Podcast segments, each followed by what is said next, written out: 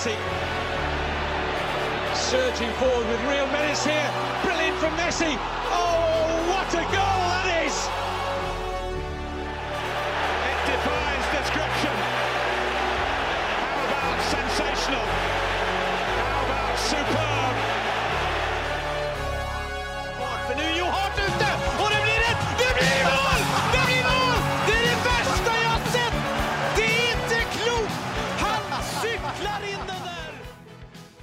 Ja da!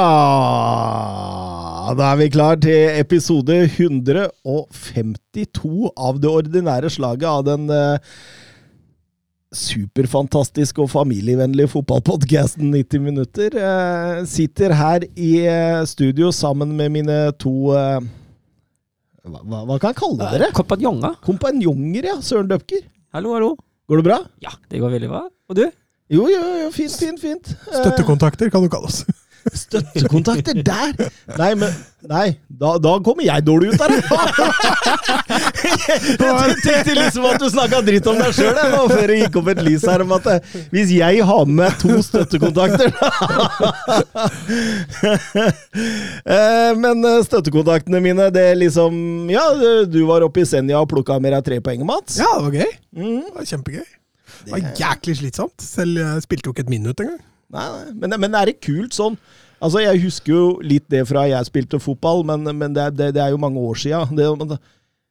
Reise ut på Gardermoen, ta fly, være en del av fellesskap som reiser, dra opp, hente tre poeng og, og, og turen hjem igjen med eh, Ja, det er helt nydelig. Ja. Altså, det er, altså, ungdomsfotballen var gøy, for det var mye, det var mye lidenskap og, og glede der òg, men, men euforien og Kall det adrenalinet, da, når Mm. du spiller i senior. Ja, det, er, det, er, liksom, Nå står det jo ting på spill. Ja, ikke sant? At du vinner, taper en semifinale i Dana Cup, det, det har jo egentlig ikke så mye å si i ungdomsfotballen. Men nå er det jo opprykk, nedrykk, eh, tre poeng hele veien. Så Det er gøy. ja, det er fantastisk moro. Nei, eh, Vi får bare satse på opprykk på Gjelleråsen. Altså. Det hadde vært veldig, veldig, veldig moro. Mm. Eh, ingen tvil om det. Og, og Søren Døpker, dere driver på i sjuende divisjon. Har dere starta nå? Nei, jeg spiller jo akkurat nå spiller jeg bedrift. så Det, jeg- det, det har blitt bedrift, ja, det har blitt bedrift, ja. Ja. Ja, ja, ja. Så jeg, jeg spiller innendørs akkurat nå, fem mot fem, og ja. Men, men gøy! Ja, det er gøy. Ja. Det er jo det som er viktig. Fotball skal være gøy. Jeg eh, Altså, jeg kan ikke gå på en fotballmatte uten å, å ta kne i tre-fire uker, tror jeg. Så jeg, liksom, jeg skal bare holde meg unna det. Men, eh, men eh, Nei, jeg syns, jeg syns det er veldig artig da, at, eh, og at dere driver og er så lidenskapelige med fotballen deres utafor. Det er for så vidt jeg òg med mitt lag. så det, at, at vi har det ved siden av, er jo veldig gøy. Ja, jeg altså, fotball generelt er jo gøy, og jeg, jeg føler at altså, det mangler noe som man ikke får spilt sjøl. Eller er litt mer Ja, eller, involver- tre, eller involver- trent ja, sjøl, da. men involvert, da. Mm. Altså, greit jeg har lidenskap for, for Lillestrøm og Wolfsburg òg, for all del, men det å, det å være ute sjøl med laget, det, det er noe helt annet, syns jeg. Mm, mm. Eh, Forresten, Søren, har det vært noen nye life hacks i det siste uka? Nei, ikke som jeg kan komme på. Ikke i det hele tatt? Nei, jeg veit ikke. Altså, jeg, kommer egentlig ikke på noe særlig der. Nei, vi, vi må snart følge den et helt døgn.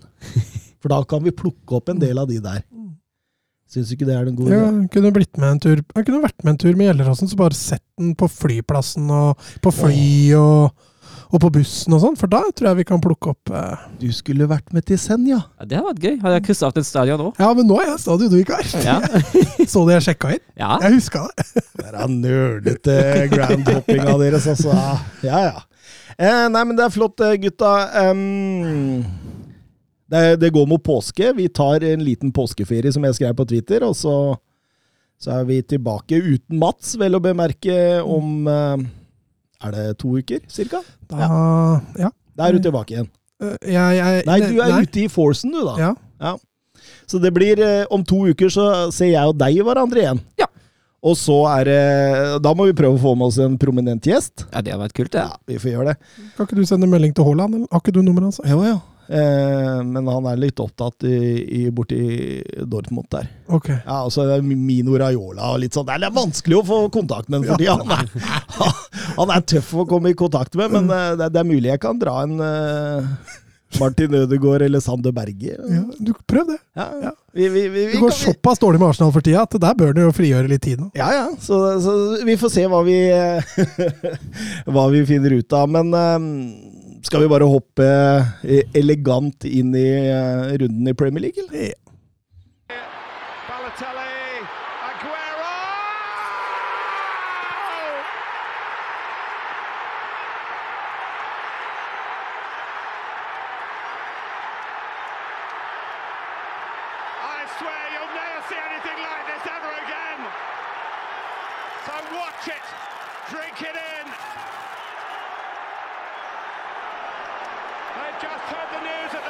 Og eh, man kan vel med trygghet si at helgens store, store begivenhet, eh, det var eh, toppoppgjøret og gullkampen mellom Manchester City og Liverpool. Det er ikke feil å si det. Nei, det er, helt, altså det er jo den, dis- den desidert god magien største kampen som har gått for i helg, og det er jo en av de største kampene i fotball-Europa, eller blitt de siste åra i hvert fall. Mm.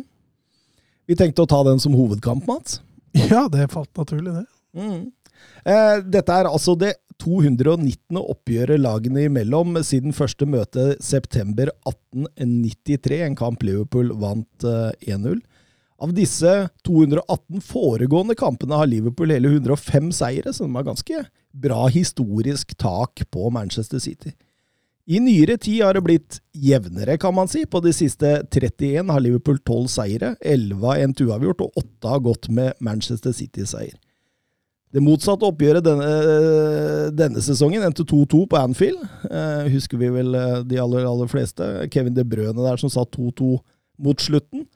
Eh, tilsvarende sist sesong endte 1-1. Salah sendte Liverpool i ledelsen fra straffemerket, mens Gabriel Jesus eh, utlignet eh, der. og det, det var jo en jevn kamp som kunne bikke begge veier. Eh, mm, noe om lagene, eller gutta?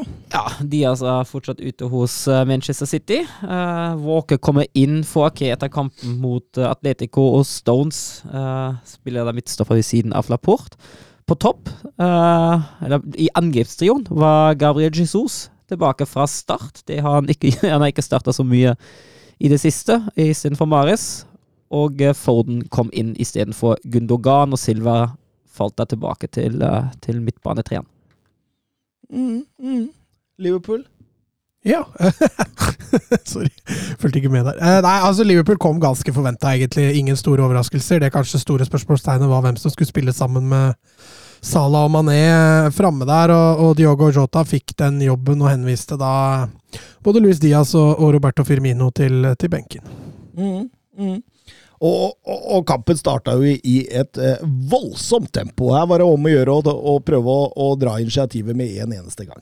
Ja, og det er City som kommer best ut av det. synes jeg. Altså, du er, jeg er enig, begge, begge lag presser ganske høyt, begge lag er ganske aggressive, men City får den beste starten. Har jo en uh, stor sjanse allerede etter fem minutter, og så tar det ikke lang tid før det står 1-0 heller. Mm, ikke sant? Kevin De Brøne der som setter 1-0 etter bare fem minutter. Eh, tar et rask frispark der. Eh, Mm. Ser ut som Liverpool ikke er helt, helt med der. Nei, de prøver å holde tempoet oppe i, i framdriften der, City, og, og lykkes, jo, lykkes jo maksimalt. Liverpool-spillere stopper opp, men City fortsetter bevegelsene, og så vips, og plutselig er det brødene sniker seg forbi første oppasser der. Mm. Bankeren via Matip eh, får en sånn kurve over Ja, litt, litt uheldig der for, for Liverpool. Det var vel eh, både via Matip og via Stolpen, så uh, var det, Petter Myhre sa at Magina var litt på sitt side Tabba Matip, altså. Skal ikke ta den an, for der hadde Alison redda, ikke sant. Jeg så vi fikk et spørsmål om det. Gjorde vi det? Ja, så vi får, vi får ta det litt seinere. men det er to lag altså Jeg, jeg satt og tenkte her de første ti minuttene. Dette er to lag med ganske lik tilnærming. altså Det er, det er, det er høyt press, det er gjenvinning, man skal direkte i angrep. Man bruker spillvendinger aktivt. Og, og, og det er hele tida bevegelser inn bak eh, motstanderens eh, bakre firer. Enig. Jeg syns, jeg syns en stor forskjell uh, var uh, de defensive bevegelsene til, til vingene. Uh, Særlig Jesus uh, var flere ganger nede, nede ved firebackslinjen for å hindre de vendingene mot Roberts som fulgte hele veien. Jeg syns ikke Mané og Salah var like flinke til å følge City spekka. Og da fikk, uh, fikk bekkene til Liverpool uh, gjerne litt trøbbel. Da sto de plutselig to mot én. Men, men det var gjerne venstresida til City da som kjørte Ja. offensivt. Ja. Kyle Walker hadde klarere defensive ansvar enn det Cancelo hadde. Så, så sånn sett så kan man vel si at det var Mané som fikk, kom, kom verst ut av det, det defensive, i hvert fall. Mm, mm. Men, men likevel, selv om Manchester City uh, tar initiativet her, så, så, så, så skårer og, og tar ledelsen 1-0, så, så utligner jo Liverpool på noe av det første de har av store muligheter. Ja, i nærheten av det, i hvert fall. Uh, City- jeg syns Liverpool har store problemer med å spille seg ut bakfra, så de klarer ikke å løfte laget. Uh, når de først endelig greier da å løfte ballen opp lengre, så blir det en gigantsjanse med en gang. Mm. Vrir spillet der tilbake inn på Sala. Eh, viktig der, eh, Salas bevegelse der. Prøver å finne Mané. Altså, altså eh, Klarer man å hopp, holde oppe trykket der? Eh, Typisk Liverpool. Mm, eh, ikke sant? Andrebølgen som Mm. kommer, Robertsen fanger opp der, og, og, og Ja, det er, jo strålende. Back til back der. Arnold eh, tar den på første touch og, og legger den igjen 45 ut i håta. Det er jo, det er jo strålende angrep. Ja, ja, ja. Det er, eh, det er etter læreboka. Eh, skifter fort til side, og så legger ut 45. Det er, det er strålende. Mm. Og så ser du City, da. Prøver hele tida å få eh, Kevin De Bruyne rettvendt i mellomrommet. Hele tida.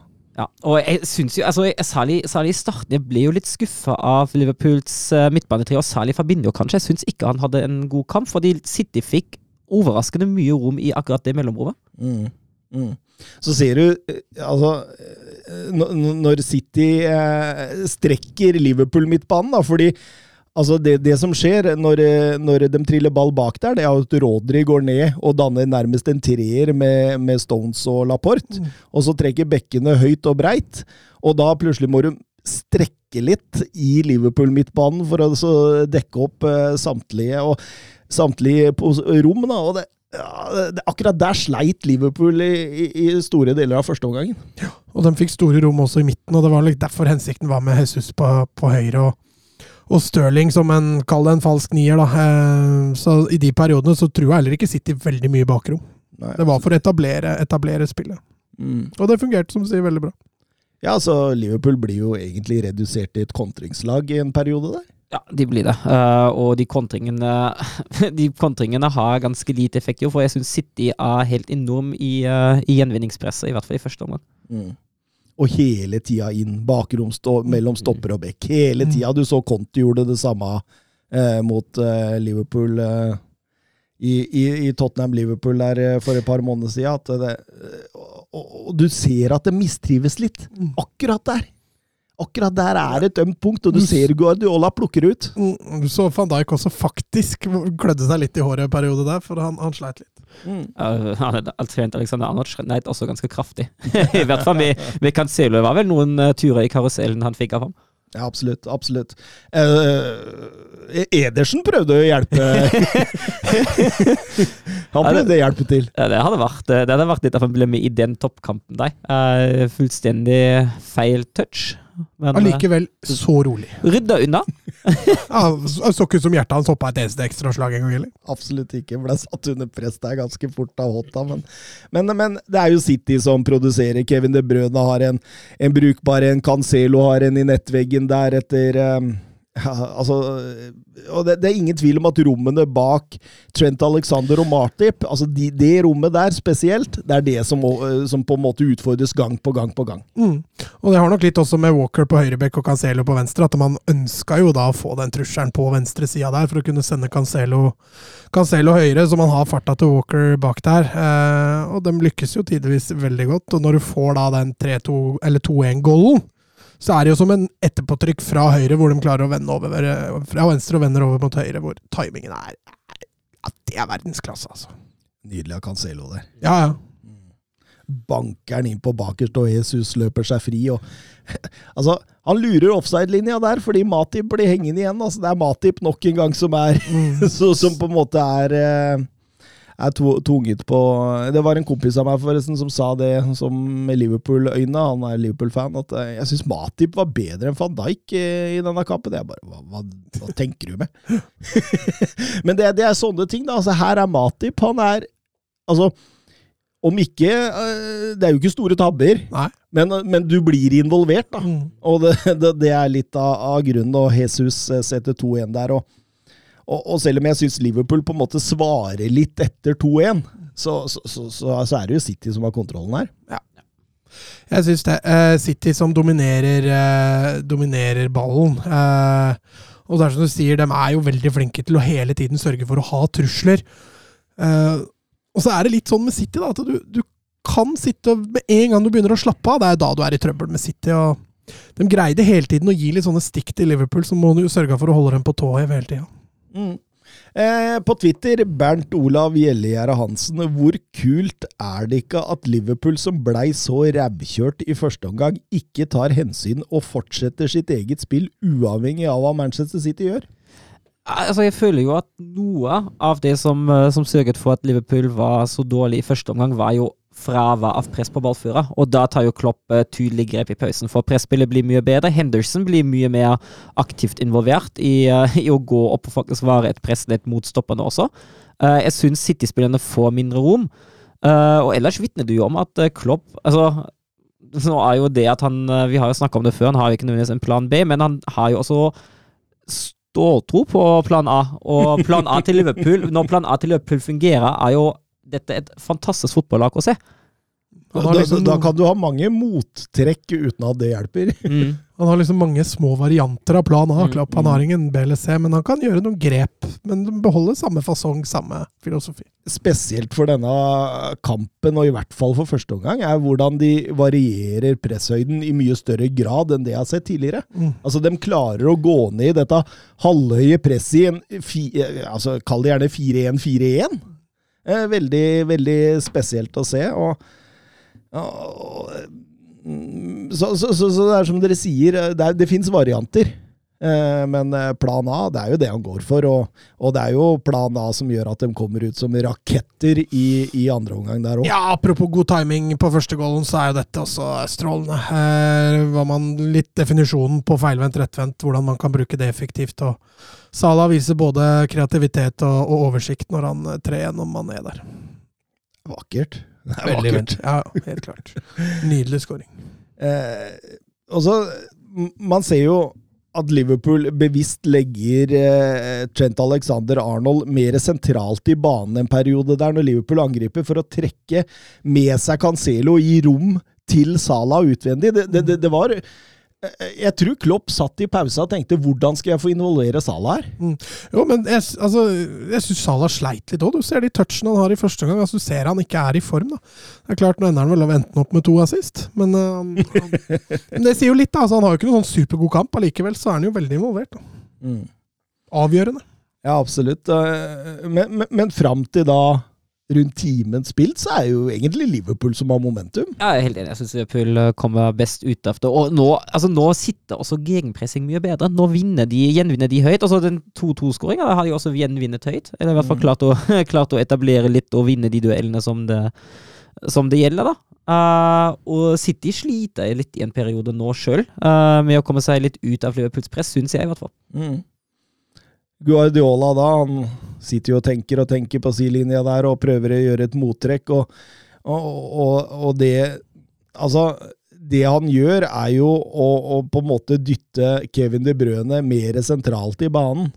For å, for, for å på en måte spille opp han i dette rommet foran van Dijk og, og eh, og uh, Matip der, og, og prøve å involvere han i større grad. Og, og, og da, da syns jeg også City-maskineriene begynner å komme igjen, når de får involvert uh, Kevin De Brøne. For det første kvarteret av annen omgang, da var han litt borte.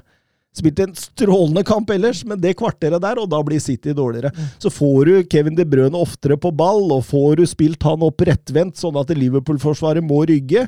Uh, for da kommer disse løpa inn bak. Jeg syns det, synes det er strålende det han gjør, og, og, og det, det, det, er, jo ikke langt unna at eh, Gabriel Jesus setter 3-2 der. Det er Van Dijk faktisk som står, om ikke på streken, så i hvert fall to meter fra streken og redder. Ja, det var altså en sterk prestasjon av, uh, av Jesus som trekker seg inn, og uh, er vel to mann han dribler før han uh, avslutta. Både Robertsen og eh, Fabinho. Han ene dribler han ikke bare litt heller. Han dribler han sånn skikkelig. Så får vi offside-målet til Raheem Sterling. Ja, nok et uh, fint gjennomspill av det brune, men uh, var offside. det. Korrekt uh, annullert. Litt grann. Ja, ja, men, uh, det, er marginaler, altså! det er, de hadde margina, mo, margina for da Kevin De Bruyne satt ballen via Vati på stolpen, og så hadde de margina mot uh, på, på Stirlings uh, offside-mål òg. Det er jo korrekt annullert.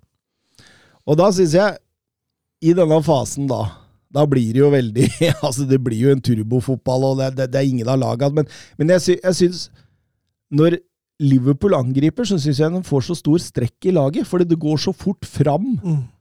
Så, så du, du føler at midtbanespillere ikke klarer å stå etter og, og, og ha dette ettertrykket som gjør at det, det, det blir for stor eh, strekk i laget, rett og slett. Og jeg, jeg syns Manchester City begynner igjen. Du ser dem begynner å ta over momentum igjen. Men jeg syns det har så mye med å gjøre at City er bedre til å håndtere Liverpools press enn Liverpool er til å håndtere Citys press. Mm. Uh, jeg syns Liverpool blir ofte tvunget til å slå langt Uh, når City kommer og presser høyt. Uh, jeg syns City er roligere med ballen og finner bedre løsninger.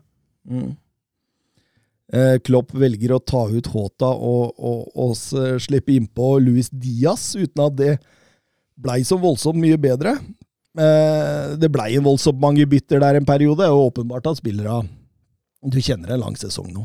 Ja, Mares kom vel inn der for City, og, og Grealish kom vel inn for City, og Liverpool Nei, men jeg, jeg stussa litt på at ikke han slapp av. Jeg vet ikke om fysikken til Firmino For han tror jeg hadde passa litt bedre eh, i forhold til å kunne brukes som et oppspillspunkt, i hvert fall enn en det Luis Diaz og Mané og Salah er. Men det er mulig han ikke tålte Og, og mot slutten, er det noen som ser ut som er nærme en scoring og et, seiersmål der, så er det jo City. Ja, jeg er enig. Jeg sitter, og City har jo, en, har jo den store sjansen til, eh, til Mares eh, rett før kampen tar slutt Ja. også. Ja, det er frispark i stolpen der, og så har de den på overtid med Mares der igjen, som Nei, jeg syns, nevner. jeg, ja. syns nesten den, eh, den på overtid er større enn frispark. Altså Frispark er jo en god prestasjon det år, for all del, men uh, Men Alison hadde kanskje tatt den, eller? ja, det ser nesten sånn ut. Og, og, da, og da blir det 2-2, og for en fotballkamp vi fikk! Jeg syns første 70-75 er, er enestående. Eh, veldig artig å kunne følge med litt detaljert på sånne typer kamper. Hvordan de gjør trekk og gjør mottrekk, og, og, og ikke minst selvfølgelig kvaliteten på spillere som er på banen. For det, der er leveres det mye som er på, på et vanvittig høyt nivå. Ja, det er, eh, det er eh, ekstremt nivå på det, og det er vel kanskje også de to beste laga i verden på toppnivå. Det mener jeg absolutt. Det er Mm. Helt enig. Um, resultattipset. Mats uh, blinka inn uh, full score. Ja, blinka inn 2-2, ja. Ja, det. det, det, det er sterkt. Uh, får dermed to poeng, mens Søren og Thomas går slukøra hjem med null poeng hver. Ja, det er bare å glemme de tippingene. Altså. vi, får- vi, vi får Men det jeg skjønner ikke Du sa i forrige episode at nå skal jeg tippe noe annet enn Thomas. Og så Ja. kommer neste kamp, og så går du på Thomas. Jeg, okay, Jeg som alltid bommer! Ja, han bommer jo hver gang! tenkte jeg greit, da får jeg ta uavgjort. da. Jeg har en eller annen karma mot det der resultattipset. Jeg har det. Eh, Banens beste. Ja, det er vel ikke noe hemmelighet at det brødene var, eh, var rimelig stor i den matchen. Han uh, syns han dominerer. Altså Når City er god, så er det det brødene som står opp der og er, eh, er klasse. Ehm, to og én stjerne, det er det riktignok flere kandidater til. Jeg lander på, på Cancelo på to, og så kan jeg like Altså, jeg er så glad i Bernardo Silva, og jeg ser det positive i han hele tiden, så jeg ender opp med han på, på ett. Eh, Liverpool hadde selvfølgelig og hadde også selvfølgelig flere, men jeg syns det var ingen der som skilte seg sånn voldsomt ut. Eh, så jeg lander på de tre. Ja, jeg er helt enig. Jeg har også tre City-spillere. De Brune på tre. Jeg har tatt eh, Gabriel Jesus på to, og jeg har også Bernardo Silva på ett. Jeg syns Cancelo hadde litt svakheter defensivt, det er derfor han falt ut. Har Kevin De Bruyne på tre. Eh, Cancelo på to. eh, og Virgil van Dijk på én. eh. Ja, altså, det irriterte meg når han sparka ned det brødet der. Det, er sånn, det er jo sånn alle stoppere ville gjort, selvfølgelig, men der fikk en faktisk... og så veit man at de er bestekompiser utafor banen, så det er, det, det er veldig, veldig artig. Og du så dem snakka om det etter kampen der òg. Jeg, jeg, altså, jeg fant jo Matip var litt sånn involvert. eh, Trent sleit som vanlig i- disse kampene defensivt. Syns han var strålende offensivt. Mm. Um, Er ikke han alltid strålende offensivt? Jo, eh, det er nok. Um, Robertson, eh, alltid på det jevne, syns jeg. Liksom du, du, Han er- du? Du begynner å se han begynner å bli litt begrensa når det kommer i de store matcha. Ja. Han løper fortsatt mye og er god defensivt, og bla, bla, bla, men han er litt begrensa når du møter god motstand. ja det, er- det, er- det er liksom Liverpools Ben Davies. Ah, Jeg har tatt Andrew Robertson 13 dager i uka framfor Ben Davies, men eh, ja. Ja, men du skjønner sammenhengen. Men Diago, når Liverpool er god, så er det han som er god. Ja. Litt sånn Liverpool svar på det brødet. Men, men, men, men det, er, det er jo klart at det er en kamp, dette som Liverpool kommer heldig ut av at de får et poeng. Eh, totalt sett så bør jo City ta dette. Ja. Det er ingen tvil om det. Så, så derfor går også de fleste stjernene våre til eh, City-spillere. Eh, Supersub Sivert, er Manchester City mot Liverpool det nye El Clásico? For meg er det de to beste lagene i verden med god margin. Når det gjelder kvalitet, er jeg helt enig. Uh, det er jo kanskje en av de kampene jeg gleder meg aller, aller mest til i hele sesongen. Eh, en fantastisk fotballkamp, og som regel leverer de også fantastiske fotballkamper, i hvert fall i det siste. Eh, det som kanskje mangler bitte litt, er det, dette rivaleriet. eh, det som utgjør et ekt, en ekte derby. Fordi altså, Liverpool og City de kniver om, om tittelen og kjemper i toppen mot hverandre nesten hver sesong, og det, det er jo fint. Men hvis man tar Barcelona Real, uh, hvis man tar Liverpool mot United det, det er på en måte flere ting som tilsier da at det er noe rivaleri, da. Og det er kanskje det som mangler til å, til å være sånn rent atmosfæremessig på samme nivå, da. Det er jo historien som mangler der. Eh, Nå er jo begge disse to lagene topp, topp, selvfølgelig. Eh, Kanskje de to beste lagene i verden, så når de møtes, så blir det jo selvfølgelig bra, men de mangler jo litt det historiske. Det er jo sportslig eh, konkurranse, det er jo ikke noe politisk eller noe historisk eller noe Det er, det er kun, kun det sportslige, og der er jeg selvfølgelig enig. Det er, eh, det er Real Madrid og Barca kanskje var de to beste lagene i verden for et par år siden. Så er det nok City og Liverpool som er der nå. Og så er kampen enda kulere på Anfield i flomlys. Da er det bedre stemning. Da er det Altså, Etiad Stadium de har noen hakk opp igjen til grisehodekastinger og, og, og, og diverse, altså. Eh, Så, så eh, men, men sportslig, for all, all del. Um, Oskar Carveio Holm, Sala virker litt av. Hvor viktig blir det for Liverpool i innspurten av Premier League og Champions League at Salah er i 100? Ja, det er viktig, det. Kan jo se nå. eh, Det mangler et eller annet offensivt for Liverpool i den kampen her. Selv om Salah produserer, så, så er det liksom det lille ekstra som, som mangler for å dra i land tre poeng her. Og det kunne vært en Salah i form, det. Mm. Eh, Det er klart Benfica hjemme nå, det bør gå greit i Champions League. Også, Selv uten Sala. Selv uten Burde, Salah. burde kanskje hvilt Sala i den kampen? Eh, Så får vi se da, de kampene de har igjen. De har et OK program igjen nå, Liverpool. Så en Sala som putter en 7-8-9-10 kasser, det, det kan komme veldig godt med. Ja, og det, i, de, I de ni, uh, ni seriekampene siden, uh, siden han har vært på Afrikacup, da har han hatt fire mål og to assist. Ja, vet, To Ja. av de måla er vel straffe eller noe? er det ikke? Mm, tror det. Ja, ja, absolutt. Og, og han leder jo toppskårerlista med 20 mål. Uh, nummer to der er Hoeng Min Son på 17. Ja, han, uh, han, han er i betraktelig bedre målskårer for om dagen. Ja, og, og uh, hvis, du tar, hvis du tar bort straffemål fra den, så må du ta bort fem Salah-mål. Og da hadde Son, som ikke har ett straffespark, vært toppskårer. Så, så eh, det, det, er klart det at han holder ikke samme nivå nå. Det, det, er et eller annet med touchen der. det er et eller annet eh, siden Afrikamesterskapet. Ja, han hadde vel to mot Leeds der. To mot Leeds og et, eh, en annullert. Og etter det så tror jeg det hvis, hvis du tar med samtlige da kamper han har spilt, da, både for eh, Egypt og, og i cupene og, og diverse sånne ting, så tror jeg han har bare ett mål på de siste ti kampene totalt, og det er et straffesparkmål mot Brighton. Så det, det, det, det, er, det er åpenbart at det er et eller annet her som ikke og, Om han må hviles i form, eller hva han må, det, det er vel, vet vel Klopp ti ganger bedre enn oss, tenker jeg, men han ser litt sliten ut. Ja. Han ser litt av ut. Mm. Um, kan ta med at dette er første gang Manchester City har skåret først og ikke vunnet i Premier League denne sesongen. Mm. Tyder jo på en eh, stabilitet.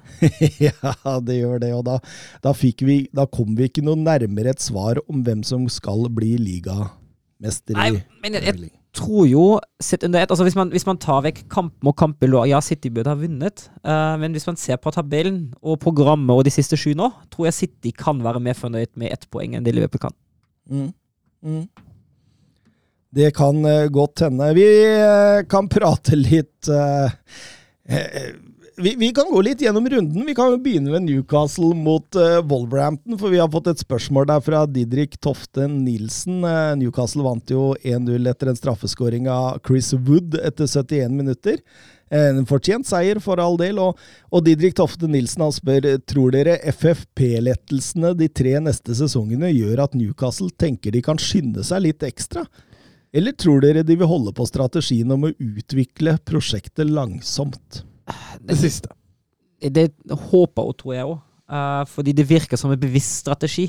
Det virker som den strategien om å, om å bygge opp eh, og ta den tida det trenger, av et bevisst valg. Ja, Ser du de lagene som har skynda seg, de har ikke gjort noe særlig bedre likevel. Så ser man litt på historien bak det, så, så er det ikke sikkert at det nødvendigvis er veien å gå. Nei, så, så tenker jeg jo at eh, strategien allerede underbygger det dere, dere er inne på her. Fordi det blei vel satt 100 millioner pund som limit for hva de skulle kunne bruke i sommer, og, og etter hva jeg har lest, så er det godt under eh, tallene som kreves for at du utfordrer Financial Fair Play. Så, så hvorfor da lettelser i Financial Fair Play skulle, skulle gjøre noe av en opprinnelig plan som uansett lå under, det, jeg, jeg, jeg fatter ikke helt den. Jeg, jeg, tror de har trengt å skynde seg langsomt. Jeg leste at de skal ha en stopper på plass, de skal ha en ny nummer ni på plass. De, de skulle også gjøre Matt Target-lånet permanent. Det var liksom de første planene deres. Da snakkes det om uh, Slotterbeck, uh, blant annet. Ja, han, uh, han har lest rykter om skal være ganske nær Dortmund. Vi får se om Newcastle kan uh, gi Dortmund kamp om signaturen. Ja, de bare øser penger, vet du. ja, det, det, det, gjør det, men altså, det er jo noe med Særlig tyske spillere som fort kan Jeg veit jo ikke hva han egentlig heier på, men hvis han f.eks. er Dortmund-supporter, er det jo veldig fristende å spille for det laget der. Mm. Eh, samtidig, nummer ni der, så er det spekuleres de Darwin Nones, Dominic Calvert-Lewin og Patrick Schick. Hvem ville du valgt av de, Mats? Altså Hvis du tar den spilletypen de henta i, i, i, Wood da, i sommer, og skal han inn og erstatte der, så bør det jo være et fysisk robust folk, robust type, da, så kanskje Schick, da. Ja, samtidig så er vel alle disse tre ganske robuste. Um, skal, vi, vi, må snakke litt Manchester United. De, de gikk på et sviende 1-0-tap mot uh, Everton. Altså uh, et Everton-lag som, som, knapt nok vinner fotballkamper for tiden. Har vel én seier på de siste seks i Premier League, og røyk også 4-0 i FA-cupen mot Crystal Palace. Men, men, Manchester United, Mats, de klarer det. Kanskje Rafa Benitez gjorde en vanvittig god jobb når han var der? du, du, tenker at Hadde han overpresterte, rett og slett? Ja, det, ja det, jeg har tenkt det samme om Angelotti, faktisk, i sin tid. ja, så ja. han er kanskje ikke så dårlig trener? Det var litt dit jeg, det var, litt dit jeg var på vei, skjønner du. det var, det var det. Jeg tok deg i forkjøpet der. Ja, for jeg så Arncelotti hadde vært ute i, i, i, disse dagene nå og sagt at han registrerte det som skjedde i Everton, og han måtte bare beklage, men når Real Madrid banket på døra, så kunne de ikke si nei, og at han skjønte at det var At de følte seg litt sveket da, i, i Everton. og eh, Nei, det, det, det, er klart det at eh, det, det, har gått gærent for Everton, men det, er jo ikke noe tilfeldighet at det, er Manchester United de klarer å slå her. For bunnivået til United det er helt katastrofalt dårlig. Ja, og, og, og, her tar det Manchester United på kraft, på trøkk, på energi, på duellkraft. Det er jo, og, og en, en, strålende Jordan Pickford i mål. Eh, og kult med Anthony Gordon. Ja, strålende, strålende Anthony Gordon der som, som setter 1-0 eh, via Maguire, selvfølgelig. Ja, burde han dukka der, eller? Latt keeperen ta han? Eh, men, men, men, det er dårlig kontradekning av Manchester United på det målet. Altså. Ja. Det, det, det, er der er det mye feil eh, som skjer.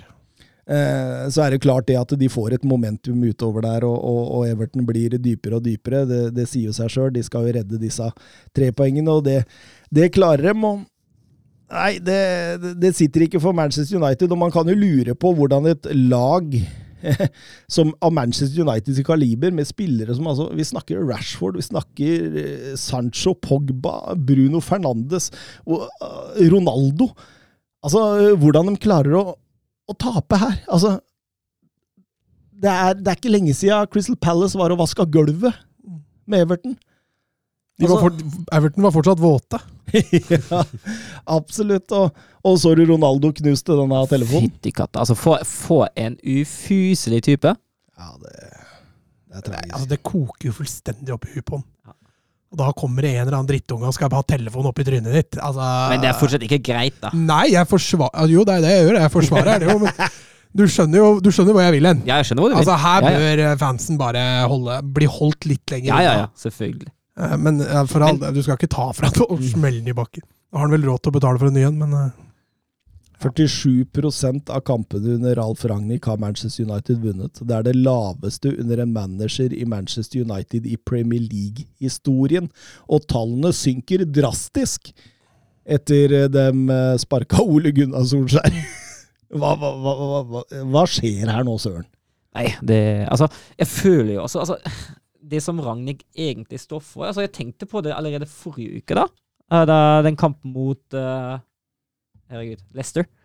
Uh, jeg følte egentlig Altså, har han gått litt bort fra det nå? Uh, har han gått litt bort fra å være aggressivt i press? Har han gått bort fra å være aggressivt i gegenpressing? For jeg så egentlig ganske lite til det. Og jeg så ganske lite til, til god og aggressiv gegenpress mot Everton også. Ja, men det, det, det er jo åpenbart her, syns jeg, at det Altså, vi snakka jo om det når Ragnhild ble ansatt, at kanskje dette viser seg å være en feil, fordi spillertypene i Manchester United er ikke forenlig med filosofien til Ralf Ragnhild. Mm.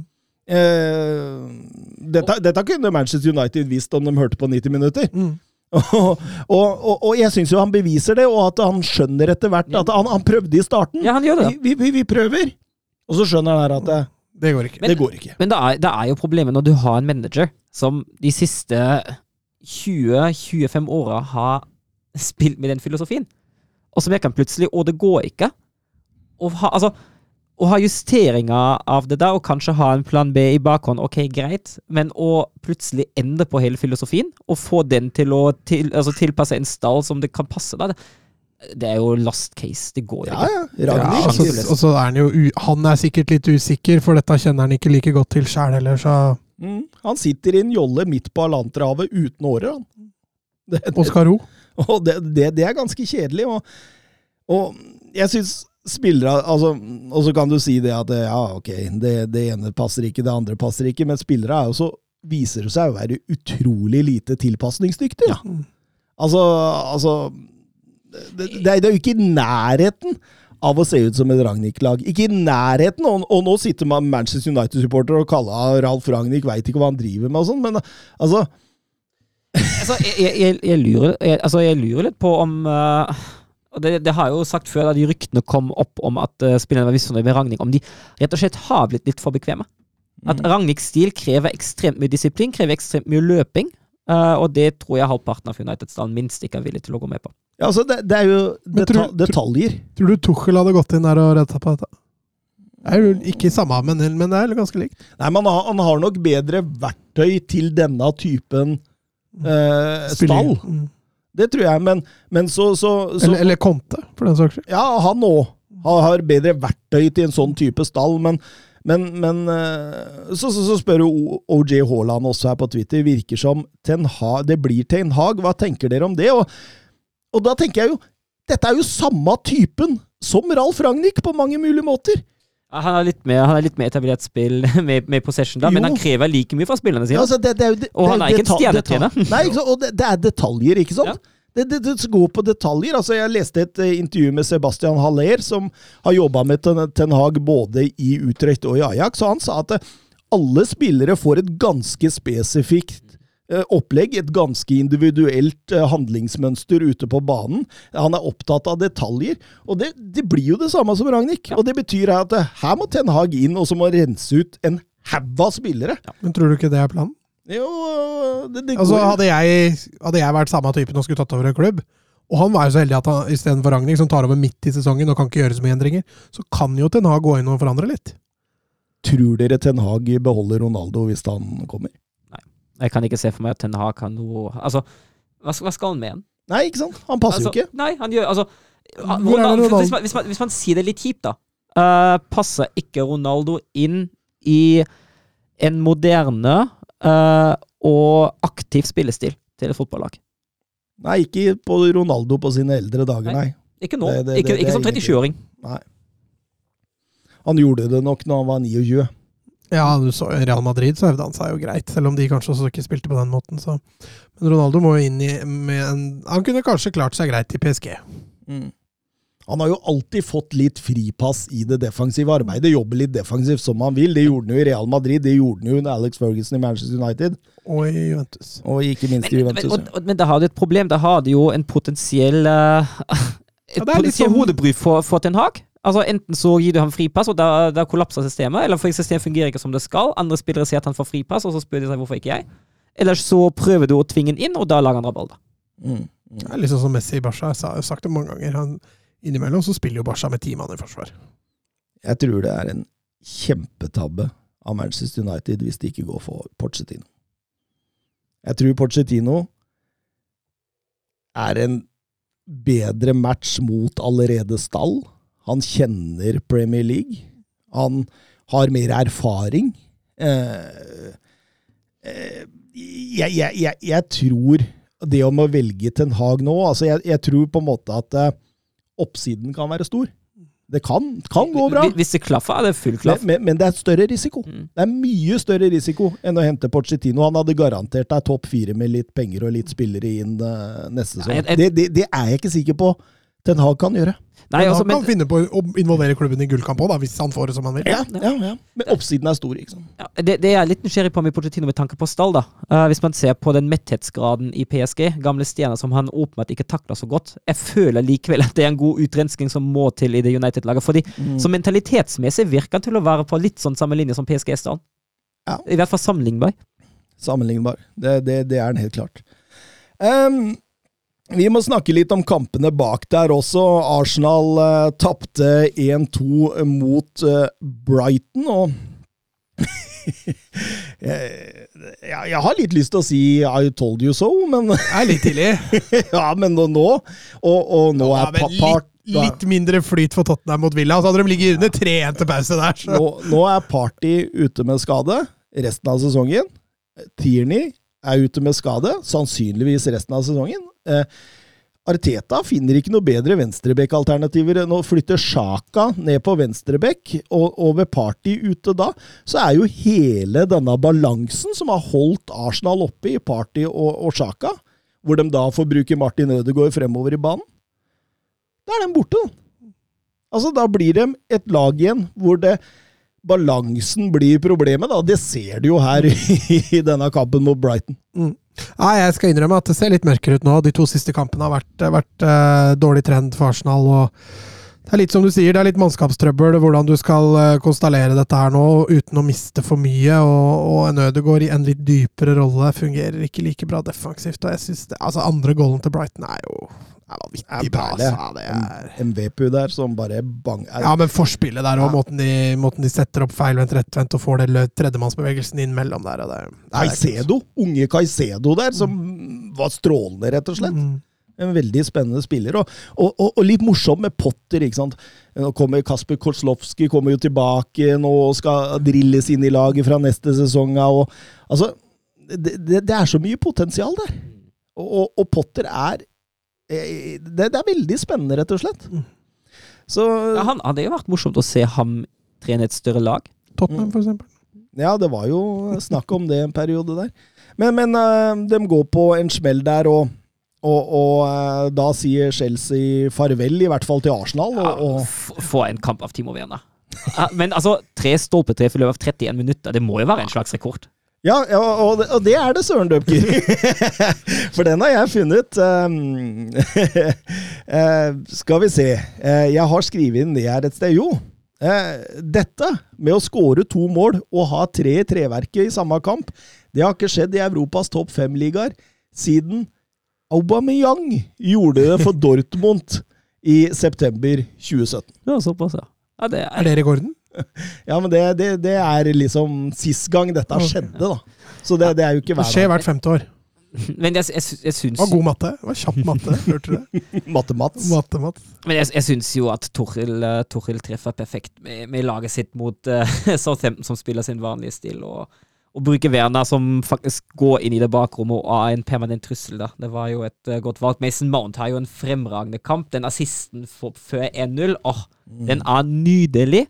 Eh, og Southampton som var rart kommentatoren ikke hang seg mer opp i den. Nei, for den, den var herlig, altså. Få en, eh, få en teknikk. Mm. Og så er det godt gjort da, når du slipper inn seks mål og allikevel er med og kjemper om å være banens beste. altså. Ja. Forster? Ja. Forster, ja. ja. Det ene enhåndsredninga han har der, Ja, er jo helt helt enormt. enormt. Helt enorm. Men eh, ja, Southampton er jo Det er jo liksom det er under Hasenhyttel. Når det funker, funker det, funker det ganske bra. Når det ikke funker, er det fort gjort å få seks eller ni i sekken. Så Etter eh, millenniumsskiftet så har eh, Southampton eh, gått av banen etter første omgang 21 ganger med å ligge under med pluss fire mål. vet, vet du man, og, og morsomt av det, Hasselhutl, som har bare vært der i, i to og et halvt år, stemmer det? Ja, covid vært der og Ja, to og et halvt år. Han står for da 33% Ja, av gangene! det, det, gangene! var- det hadde vært spørsmålet mitt. Hvor mange ganger var det med Hasenhyttel? Fordi det er, altså, det er jo sånn typisk, eh, typisk Hasenhyttel-greie, det der, altså. Når det ryker, så Ja. ryker det skikkelig. Og, Ja. og, og, og dette er også en kamp som kunne endt 9-0. Ja, faktisk. Alene de ståpet, eh, nå var det jo en av ståpedriftene som ble konvertert rett etterpå, men eh, ja. Og så var det jo Chelsea som tok det litt rolig etter hvert. Han, tok, han hadde jo først to i stolpen før han scora, Werner. Og den andre i stolpen, da ser du han tenker Dette kommer ikke til å skje. ja. Jeg kan bare finne på noe annet. Jeg kan med, jeg kan bli snekker eller et eller annet, for dette går ikke. Kan bli sterk. Men bra for ham at han får to skåringer likevel. Og fullt fortjent. Han hadde jo, som sagt, jeg syns han hadde en enorm kamp. Og Chelsea måtte jo svare. Nå, nå, nå hadde de jo tapt både 1-4 mot Brentford og 1-3 mot Real Madrid. Eh, måtte jo svare her nå. Mm. Og, og, og, og, og svar fikk vi. Um, den, Ja, nå, ser det jo, nå ser det jo bra ut. Nå er det åtte poeng ned til Arsenal. Altså, jeg, jeg kan Arsenal har én kamp mindre spill, da. ja, kanskje, si Nei, kanskje ikke til Chelsea. Jo, ikke til Chelsea. Chelsea har også en hengekamp. Ja. Begge har 30. Så altså, nå skal det mye til for at både Tottenham og, og Arsenal går forbi. Tottenham har jo også fem opp til Chelsea, og de har faktisk en kamp mindre spilt. Mm. Så det kan fort bli åtte poeng til begge. Ja. Ehm, ja, for Tottenham de var på besøk eh, på Villa Park. En, eh, en eh, tøff bortetur der, men eh, tar jo raskt ledelsen. Tar raskt ledelsen ved Heng Min Son med et strålende skudd. Sånn typisk sånn. Um, gjør det meste ut av en OK, OK minus skuddposisjon. Mm. Uh, og så følte jeg meg litt sånn tilbakesatt til, til det vi snakket om i, da vi så Chelsea mot Real litt, under, litt i midten av uka. Altså, Matchvinnere foran og bak, uh, stikkordet for Tottenham. Og det er ikke en Benzema som fikser det alene for Tottenham, men det er en Loris bak som fikser det. Og angripstrioen generelt til Tottenham. Det er, det er de fire spillerne som uh, vinner den kampen her for Spurs. Ja, ja, helt klart. Loris spiller jo en strålende førsteomgang, han. Ja, herregud, for han noen redninger. eh, ja, for noen redninger. Den han har på Ramsey der, når han er igjennom, det er jo Og den Coutinho-frisparket òg. ja, Kanskje han posisjonerer seg litt feil til å begynne med, men han redder den jo fint inn. strålende der. Og, og, og Aston Villa var jo fantastisk i en halvtime der i Ja, første omgang. De ga, jo- de ga opp, rett og slett. Det her klarer vi ikke. Nei, det, Nei, eller- det- Altså, De går nok ut i andre omgang og tenker at nå skal vi, men så får de en i, i røven eh, før det har gått uh, to minutter der. men, også. men, men, diskusjonen i England er Var Aston Villa for stygge, rett og slett? Altså, Bukayo Saka var jo ute etter kampen mot Villa sist og sa det at uh, her blir du sparka ned. De er altfor uh, tøffe. Nå må dommerne forsvare oss. Um, fikk beskjed av Gerard da at du Jeg har 16 operasjoner og, og skruer i, i hofta, liksom. Eh, det, det, det er noe man må leve med. Kommer til denne Tottenham-kampen her nå. Um, du ser hvordan Ashley Young feier Kane der igjennom. Altså, han prøver ikke å ta ball engang. Eh, Matty Cash som jubler etter taklinga som setter Dorothy ute resten av sesongen. Eh, stygg den også. En saks.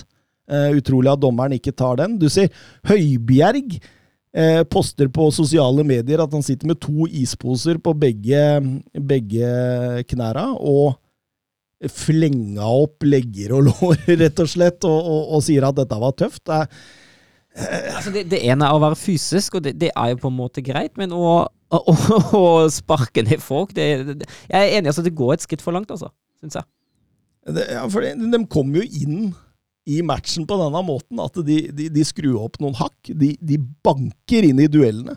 Eh, jeg, er sjelden jeg har sett man får gå så fri fra dommeren uten å få et par advarsler, liksom. Mange gule kort? Aston Villa fikk vel bare ett eller to Ja, gule ikke sant? Det er det, er det som er helt utrolig ikke sant? her i denne sammenhengen her. At de sitter igjen med to. Men eh, jeg, jeg, altså, jeg tør Ja, jo Tottenham hadde flere. Tre. Jeg tør, jeg tør jo påstå tror jeg, i hvert fall. Jeg tør jo påstå at hvis den kampen da hadde blitt spilt i en av de andre topp fem-ligaene vi følger, hadde det hagla litt mer gule kort for Esten Villa. Altså. Der hadde det hagla. Eh, Det er kun i Premier League dette her blir godtatt. Og, men, eh, men det er som Mats sier, eh, altså pusten faller jo helt i bakken for Aston Villa der. nå. Ja, 40, når Kulusevski skårer 2-0, så da, da er det ikke mye Villa skaper mot slutten her, og, og Tottenham Altså, det rakner jo litt. Det mangler litt stolthet her, Aston Villa, og det, det må jo være, selvfølgelig være litt skremmende, men eh, bra for Tottenham selvfølgelig at de får det så kontrollert inn mot slutten. Mm, mm. Men litt mer flyt i første gang, og litt svakere Loris, så hadde den kampen fort vært avgjort andre veien. Siden Kulisevskis debut i februar har Harry Kane 13 målpoeng, Son 12 målpoeng og Kulisevski 9 målpoeng. Det gjør dem til nummer 1, 2 og 3 i ligaen i denne perioden. Det er enormt. Det, altså, altså, det, det, er noe med det samspillet. Det var det, var det mål nummer fire, der Kane der han får en ball, og så står han med ryggen til, eh, til Villasmo, og så tar han et kjapt kikk over skulderen, skulderen, ser at sånn starta, og den headingen rett i løpet på sånn 3-0-skåringene. Ja, 300 var det, ja. Altså, herregud. Mm. Få en kjemi, få et samspill de har. Og Kolosevskij har begynt å føye seg kjempegodt inn der òg. Ja, han, eh, han, er det, han er den trehjulet på vogna, holdt jeg på å si. Han som, eh, som fyller dette her veldig, veldig godt. Og jeg føler jo også at eh, jeg syns også Bergveien kommer inn og gjør en brukbar jobb når han kommer inn der i de få minuttene. Jeg syns Mora kommer inn. Altså, de har flere strenger å spille på. da. Så, så det ser veldig bra ut. altså Det er bare Liverpool i kalenderåret 2022 eh, i Premier League som har flere mål enn Tottenham, og det er marginalt. Eh, så så det, det har jo gått veldig bra, dette her. Tvet, eh, Petter Støvland på Twitter. Eh, Conte sa for en tid tilbake det er 1 sjanse for at vi kommer på topp fire. Hvor mange prosent tror dere han mener nå? Og snakk gjerne litt om og hans arbeid i Tottenham. Fra de, fra de som skårte og produserte minst, til de som skårer og produserer mest. Jeg Kan ta prosenten først, da. For jeg, jeg tror Conte har to prosenter. da.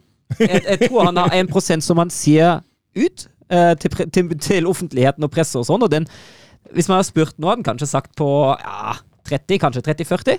Og så tror jeg han har 1% som han formidler internt til spillerne. Og da mener han, da, han, da tipper jeg han er på, på i hvert fall rundt 70 et sted. Ja, jeg tror han ser Champions League nå. Ja, jeg tror det. Det gjør de fleste. Altså, nå peker jo formkurven deres riktig, mens Arsenal har snudd litt, så eh, Nå ligger det veldig an til at Tottenham greier i hvert fall en fjerdeplass. Eh, når det gjelder kontoen jobben, altså den offensiven da, nå, nå virker det som det er satt mye mer i system offensivt for Tottenham. altså det Kontringen er satt mer i system. Eh, fortsatt litt å gå på, selvfølgelig etablert, men eh, det er litt mer flyt. da, og det er som vi har vært inne på før, Så lenge Tottenham behøver kun å spille én kamp i uka, så går det veldig bra. Mm. Mm. Da har man overskuddet til det.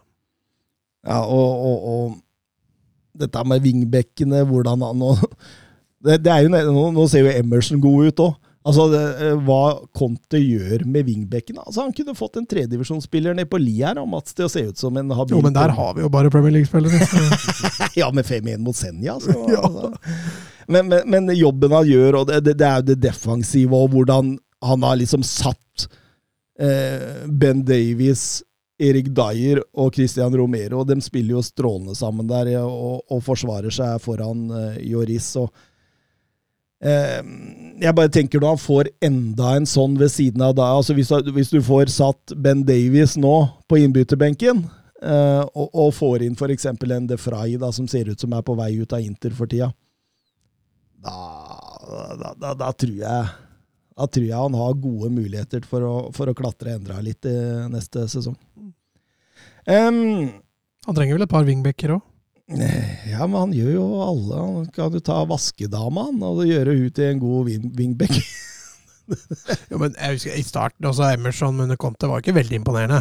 Neida, neida. Så han, har jo, han må jo jobbe med dette uansett. Men det er jo sånn, sånn nå, Emerson ikke kommer jo til å variere. Ja, men, ja, det gjør han helt sikkert, men, men i, i, det er liksom Uansett hvem som spiller wingback, da. Er det Cézinho, er det Regulon, er det, er det Dorothy, er det Emerson?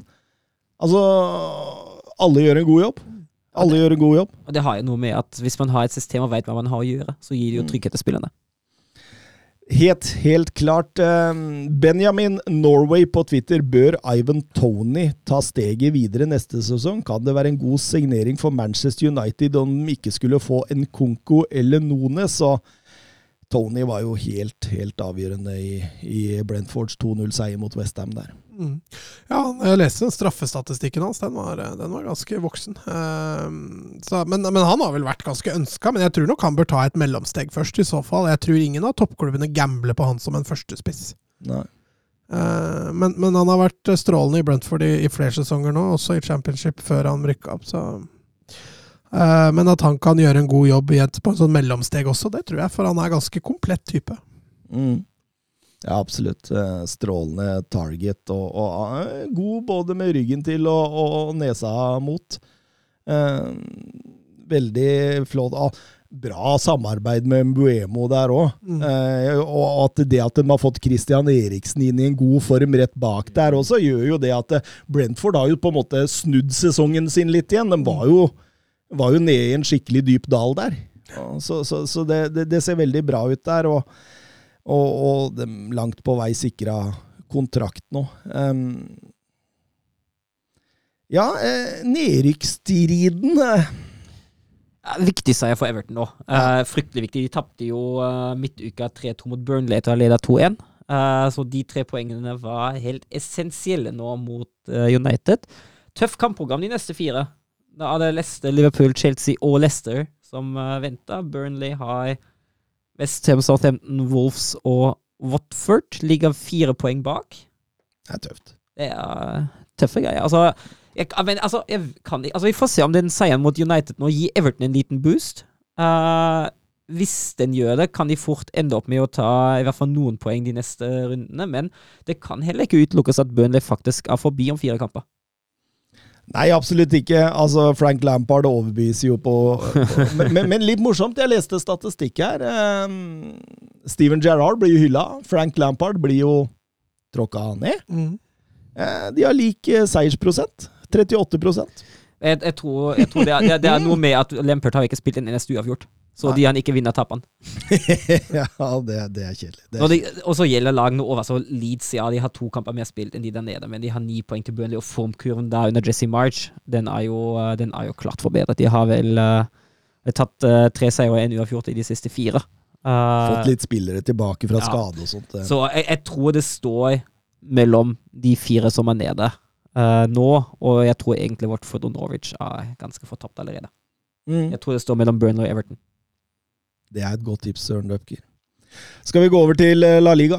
Mm, ja. Ja cap a la dreta per Xavi, assistència de Xavi més cap a la dreta per Messi, Messi, Messi, Messi, Messi, Messi, Messi, Messi, immens Messi, encara Messi, encara Messi, encara Messi, encara Messi, encara Messi, encara Messi, encara Messi, encara Messi, encara Messi, encara Messi, encara Messi, encara Messi, gol, gol, gol, gol, gol, gol, gol, gol, gol, gol, gol, gol, gol, gol, gol, gol,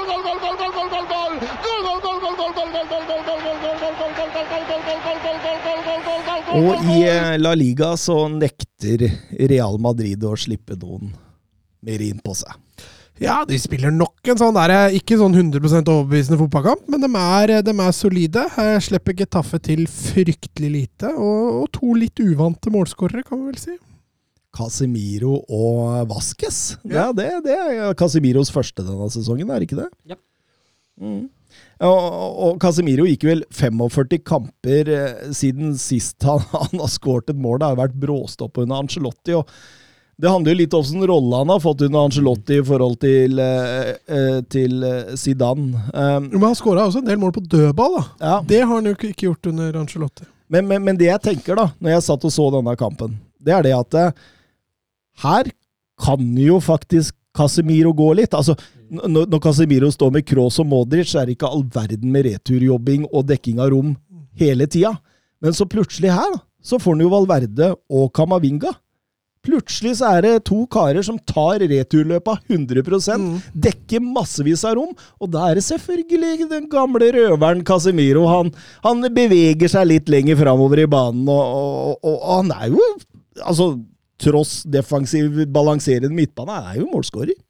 Ja, og den var jo Altså, Casemiro gjør en, gjør en, go en god match her, og sånn, og så er han jo, som du er inne på, han er ganske målfarlig så lenge du får den rettvendt i boks, og gjerne med innlegg og sånne ting, for han er duellsterk. Uh, og med Kamavinga, da, som, som er også en litt mer balanserende type, så, så kanskje han fikk litt friere tøyler offensivt. Skal vi hylle innlegget fra Vinicius på skåringa? den Ja. yt- yttersida der er eh, Den er, det- den er det få som gjør, altså. Ja, det, det er strålende, strålende. Gareth Bale inn til pipekonsert, Mats! Ja, Og den, den peip vel bare han pressa? ja bør du ikke ha ballen engang? Nei? Nei, han er ferdig. Uh... Men, men hva tenker vi om det? Altså, Vi var jo litt inne på det med Maguire i, i, i, England-trøya. Altså, byet bye mot egenspill. Altså det, men det, det, er jo litt sånn en sånn greie i, uh, i Spania når man føler at en spiller ikke oppfører seg godt nok mot klubben. At supporterne veldig fort uh, stiller seg imot. Vi har jo opplevd det med Dembélé i Barcelona også. Jeg, jeg er ikke noe fan av det. Ikke i det hele tatt. Men uh, ja, Det er litt sånn Bale har satt seg sjøl mm, over alt og alle, og han bryr seg ikke om Rihanna. Han har fått litt det imaget, da. Ja, og, det, og, så, og så hjelper jo ikke måten han Altså Måten han beveger seg på banen, uh, måten han ser ut når det ikke går veien for Real, og alt det der. Så det er noe med kroppsspråket også. Men jeg, altså, jeg føler Bale er, er på et poeng. altså Berti Vogt sa det en gang. Hvis jeg, hadde gått, uh, hvis jeg hadde gått på vannet som Jesus, hadde de sagt jeg kan ikke svømme engang. Og jeg føler at Bale i Real Madrid han er litt sånn på det punktet nå. Casimiro hakket hardere enn dere på pressekonferansen etterpå. Han likte det virkelig ikke. Fortalte at Gareth Bale hadde en stor stjerne i klubben og har utretta enorme ting. Og når du buer på Gareth Bale, så buer du på Real Madrid sin historie, fortalte han i pressekonferansen. Jeg, jeg, lik, jeg liker det ikke, jeg heller. Det er bare så det er sagt. Ikke. Nei, altså, jeg hadde jo blitt skuffa over lagkompisene også, hvis de hadde stått der og forsvart dette. Altså, ja, riktig å juble. det fortjener han. Nei, så det, det hører jo ikke hjemme. Og um, han, han har satt seg sjøl i en veldig kjip posisjon, og han kan, han kan liksom skylde seg litt sjøl også, at, at han har havna der. Uten at det å bo her selvfølgelig er riktig. Uh, men han er, han er don. Mm. Han er ferdig. Altså, I Real. Madrid, i hvert fall. Ja. Fredrik Valle Konradsen på Twitter. Real Madrid uten Kroos og Modric. Fikk vi se den fremtidige konstellasjonen med Camavinga, Casemiro og Valverde? Og hvordan står den midtbanen seg? Det er jo en helt annen type midtbane. da. Det er jo mer dueller og løpskraft eh, enn det det er i Kroos og, og Modric. Casemiro begynner jo å dra på åra nå, da, så han må jo snart fases ut, han også. så Mulig Kamavinga eventuelt skal inn der, og så få inn en indreløper til ved siden av. da. Eh, Modric er jo som en god vin, så han blir jo bare bedre og bedre. Men Valverde, Kamavinga, Casemiro er en ganske spennende midtbane, det òg. Camavinga var god. Ja. Han var strålende, altså. Eh, toveis hele veien. Ja, ja, men han er jo en sånn Chuameni light, holdt jeg på å si. Han er, kanskje- Chuameni er Kamavinga light, men eh, eh, veldig sånn eh, dynamisk midtbanespiller. Eh, kan spille, fungere veldig bra i indreløpet, fungere bra sentralt. Du kan også bruke han mer offensivt, for han har kreativitet og en god pasningsfot. Og så er han uredd, da. Han har jo Mm. spilt han har spilt seniorfotball i, i snart tre år, altså, så er, han er jo knapt 18 år, liksom. Så at han allerede begynner å få så mye erfaring, da, det, det sier litt. Real Madrid har dermed vunnet de siste ni derbyer, altså, altså derby i form av lag fra eh, Madrid-regionen hjemme. Åtte av de ni har de holdt buret reint, så de, de, de er gode her. Det var også den tolvte strake hjemmeseieren til Real Madrid mot Getafe. Ja. Så eh, Marcelo så litt frisk ut, da. ja, men jeg tror ikke vi skal henge oss så mye opp i det. Nei da. Um, utfordrere her um, Vi kan jo begynne med, med Sevilla der, som vant 4-2 over uh, Granada. Um, Sevilla hadde stort sett ball i tre fjerdedeler, og Granada kontra. Det var jo sånn, sånn det stort sett var. Ja, og jeg syns Sevilla åpna litt sløvt. Uh, slapp Granada mye til uh, i, i første omgang. Eh, Darwin Machis med en herlig scoring som, som gjør 1-0. Eh, og da, da må Sevilla finne på et eller annet. Eh, og så gjør jo Jesus Navas strålende forarbeid. eh, For, for Diego Carlos der som får heada inn på, på bakerste, og da tenker man jo at det skal snu litt, men men det skorter litt i andre omgang òg, faktisk. Selv om jeg syns Sevilla bare dominerer ballen kanskje enda mer i andre omgang. Ja, det, det tok litt tid, og, og, og det står jo 2-2 til man er godt ute i, i ekstraomgangene. Ja, først skårer jo Campos 2-1, og så skårer Miguel eh, 2-2 helt på slutten. Og da tenker du nå surra jaggu Sevilla det til igjen, altså. Jeg må jo innrømme jeg syns det var litt flatterende at, eh, Jo, jo, det- at det eh, var. Granada kom tilbake. Men, sånn. men Granada hadde noen giftige kontringer, Ja. så at de og langskudd var, de, eh, var, de, var de farlige på. Skudd rundt 16. Ja. Eh, Så, så at Granada kunne skåret to mål der, var ikke helt utenkelig. Men at Sevilla da på det tidspunktet også kun hadde to mål, var kanskje litt eh, flatterende. Men eh, de hadde en sluttspurt, gitt. Mm, mm. Rafa Mir og Papu Gomez ordner det på overtid der. Og, Mm. eh, skal vi si litt om Marcial, eller? Dette ser svært så Ja, det dårlig har ut. vært- vært fryktelig tynt hele sesongen. Altså. Eh, hvis Sevilla ender opp med å kjøpe han, da skjønner jeg ingenting. Hvis dette er auditionen hans, og det er bra nok. Kan ikke tenke Monchi gjør det, Søren. Nei, han, han står vel hva Han har én assist eller noe sånt i, i sju seriekamper. Han produserer jo ingenting. Men han, han er jo borte. Ja, Ja. men de, de. Han starta litt venstrekant, har spilt litt midtspiss nå, og var mer oppe i en sånn tier-type. Altså, de, har, de har prøvd litt, da. Så kanskje definere han først, og så kjøre hardt på det. Ja, Han har i hvert fall fungert eh, svært dårlig så langt i Sevilla-drakta. Det er ingen som helst tvil om. Et annet lag som du kan si sleit litt, var Atletico Madrid der, som gikk på en eh, skikkelig smell mot eh, Mallorca. Da var vi tilbake på underholdningsverdien som vi er vant til fra Atletico Madrid, i hvert fall. Det var jo var det, det var ikke et eneste skudd på mål i hele første omgang. Nei, Det, jeg leste det. Det var, det var noe rekordformgreier der. Jeg husker ikke hva det sto, jeg, men eh, de, de produserte svært lite. Eh, Jorente hadde vel et skudd utafor, og De Paul hadde vel et skudd over. Det var vel that's it, omtrent. ja, og, hvis, og hvis du ser hva som avgjør den kampen da, altså en helt hjernedød takling av uh, Reinildo. Han tråkker vel på ankelen her. Ja, så så og så står han det står jo feilvendt på boksen uh, på, på kanten av boksen med Reinildo i ryggen. Hvor skal han? Altså, hva, hva skal han finne på deg? Nei, nei, det er helt utrolig. Helt utrolig. Eh, og, og, og de ryker, og jeg syns det er så fortjent. Og Oblak sa det etter kampen også, at eh, vi må opp mange hakk mot Manchester City om vi i hele tatt skal ha muligheter i forhold til sånn vi spilte nå. Det, litt sånn merkelig, egentlig, fordi altså eh, det, det er jo ikke logisk. Ja, Mallorca sto med sju strake tap før de møtte Atletico Madrid, og Atletico Madrid sto med seks strake seire. Mm. Og, og, og hvordan det er mulig, det kan du, kan du lure på. Eh, Jørgen Be Ready Nystuen spør oss på Twitter hvor digg hadde det vært om Betis tok den siste CL-plassen på bekostning av Atletico. Ja, det har vært kjempegøy. Ja, for fotballen seirer, liksom. Fotball, for fotballen har det vært kjempefint. Eh, Ja, altså, jeg har alltid hatt et softspot for Betis. Jeg syns det er en, er en kul klubb og mye artige fotballspillere. Men, men samtidig så hadde det vært litt døden for Atletico. Jeg tror de hadde mista mye. Men, men altså, jeg ser Atletico her nå. De har annet Atletic Klubb borte, Real Madrid hjemme, Sevilla hjemme og, og La Real borte. Eh, I tillegg så har man Manchester City Champions League i, i morgen. Eh, balanserer på en knivsegg nå, eller? Ja da, det gjør de. Og, og det er flere Altså, jeg skal ikke si det er flere lag som banker på døra, men eh, men uh, det er ikke så stor avstand også ned til Sociedad, som ikke er så langt unna. Nå er vel Villarreal hekta av, så, så de kan fort få selskap av både Betis og Sociedad ganske tett på seg om ikke så lenge. altså. Hvis ikke de eh, får en vinneroppskrift fram igjen. Ja, for Betis uh, vant 1-2 borte mot Cádiz. Eh, ganske jevn kamp da, Mats. Ja, ja, det var det. Uh, synes, uh, men, men allikevel, da, det er litt sånn Betis denne sesongen. Da, de har hatt de små kvalitetene som har bikka et par av de jevne kampene som de ikke har hatt tidligere. Eh, nå var det vel Iglesias på straffe på slutten der som, som avgjorde det. og og, og samme også for så vidt med Sociedad, som hadde en forferdelig form, og Sørloth tilbake på skåringslista. Og, og Så de hekta seg litt på igjen, dem også, i den siste Champions League-kvaliken. Mm.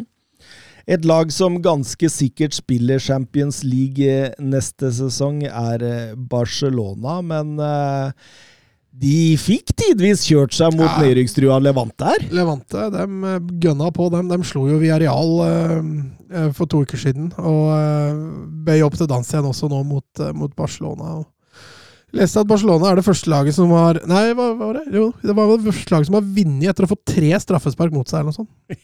ja, ja fordi, og, og det er ikke så rart, fordi i La Liga-historien så eh, er det skjedd kun én gang tidligere av at eh, lag har fått tre straffer imot seg eh, i samme kamp, og de straffene er tatt av tre forskjellige spillere.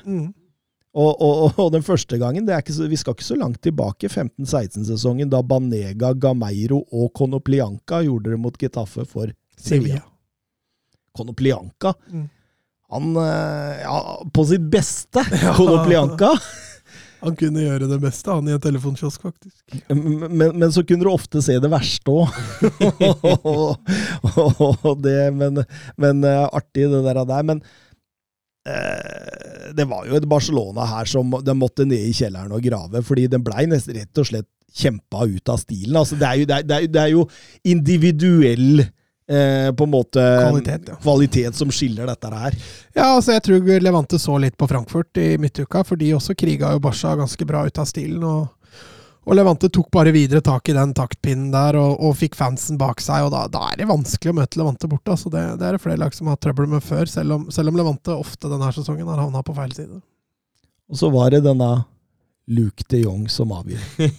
ja, men vi er det lov å si en klassisk Luke de Jong-skåring? Mm. Det Uh, er bra sett, da. ja, ja bra, bra bevegelse i boksen og fin heading, og sett han, uh, sett han ved stolperota der. Men han har det det med å skåre viktige mål. Han er ikke all verdens det er fordi han kommer inn da når man trenger mål. ja. Han starter jo sjelden fotballkamper. Og denne Pedri, da. Ja, altså, jeg, jeg blir jo litt glad, da. At det er en kombinasjon Gavi til Pedri som, uh, som gir mål til Barcelona. Det har jeg lyst til å se flere ganger. Og det Gavi gjør som uh, assister, det er også sterkt. Ja, Han runder tomann der og legger den ut til Pedri, som, som har blitt mer målfarlig i år. Er han ferdig med å utvikle den egenskapen? Ja, det hadde ikke vært feil. Nei. Eh, veldig stor forskjell, eh, og, og, og, og mye av grunnen til det skyldes jo at Pedri har vært med i denne Savi-oppturen. Altså, Mm. Pedri spilte jo knapt nok fotball eh, i starten av denne sesongen. Men, eh, men de har en seiersprosent med Pedri på 80, Mm. og så er det med en seiersprosent uten Pedri på 42,1. Den er, den er ganske Ja, men du ser jo nå når de begynner å slite i andre omgang der, så er det Gavi og Pedri som byttes inn ganske kjapt. De Jong får spille overraskende lite den kampen her, egentlig. Med tanke på at han ikke starta mot mot Frankfurt. Eh, men da igjen så er det jo byttene. Da var det jo de Jong som kom inn eh, og, og var med å bikke det. Så han har med å bytte seg bedre nå, Chavi. Mm, Helt klart. Eh, eh, men, men Tror vi Tror vi topp fire står som han gjør nå, eller tror vi La Real eller Betis kan Nei, altså Det er jo Den er litt tøff, men jeg tror jo Atletico ryker i Champions League mot City nå. Og da bare kan fokusere på La Liga. Ja. Men samtidig, de har variert noe voldsomt denne sesongen. altså. Jeg tror også Atletico bikker det, men det tror jeg liksom er litt på vane. Så det kan godt hende at eh, Betis eller Sociedad eh, vil det litt mer, men Nei, jeg ser altså kvalitetene. Felixen er jo i gang nå. eh, kan bikke vanskelige kamper i, i sin favør. Hvis de får tilbake Jimenez nå i løpet av ikke så mange ukene, så får de forsvarssjefen sin tilbake, og da, da tror jeg Atletico bikker dette sin, sin vei. Jeg har veldig lyst til innom en liten Du var så vidt innom det, Mats, men en liten snartur innom Elche mot Real Sociedad òg, fordi vi har jo snakka om denne håpløse sesongen til Alexander Isak. Eh, Så dere måten han eh, bomma straffespark på? Mm. Altså, er det mulig? Er det mulig? Er det mulig? Altså, at du, du, du stopper opp og lar keeperen slenge seg, og så putter den i åpent mål. Eh, det, det må jo alle ha fått med seg ikke er lov i dag. Nei. Altså, du kan ikke stoppe bevegelsen din helt opp. Nei, for da, da, da forlater jo keeper streken. Mm.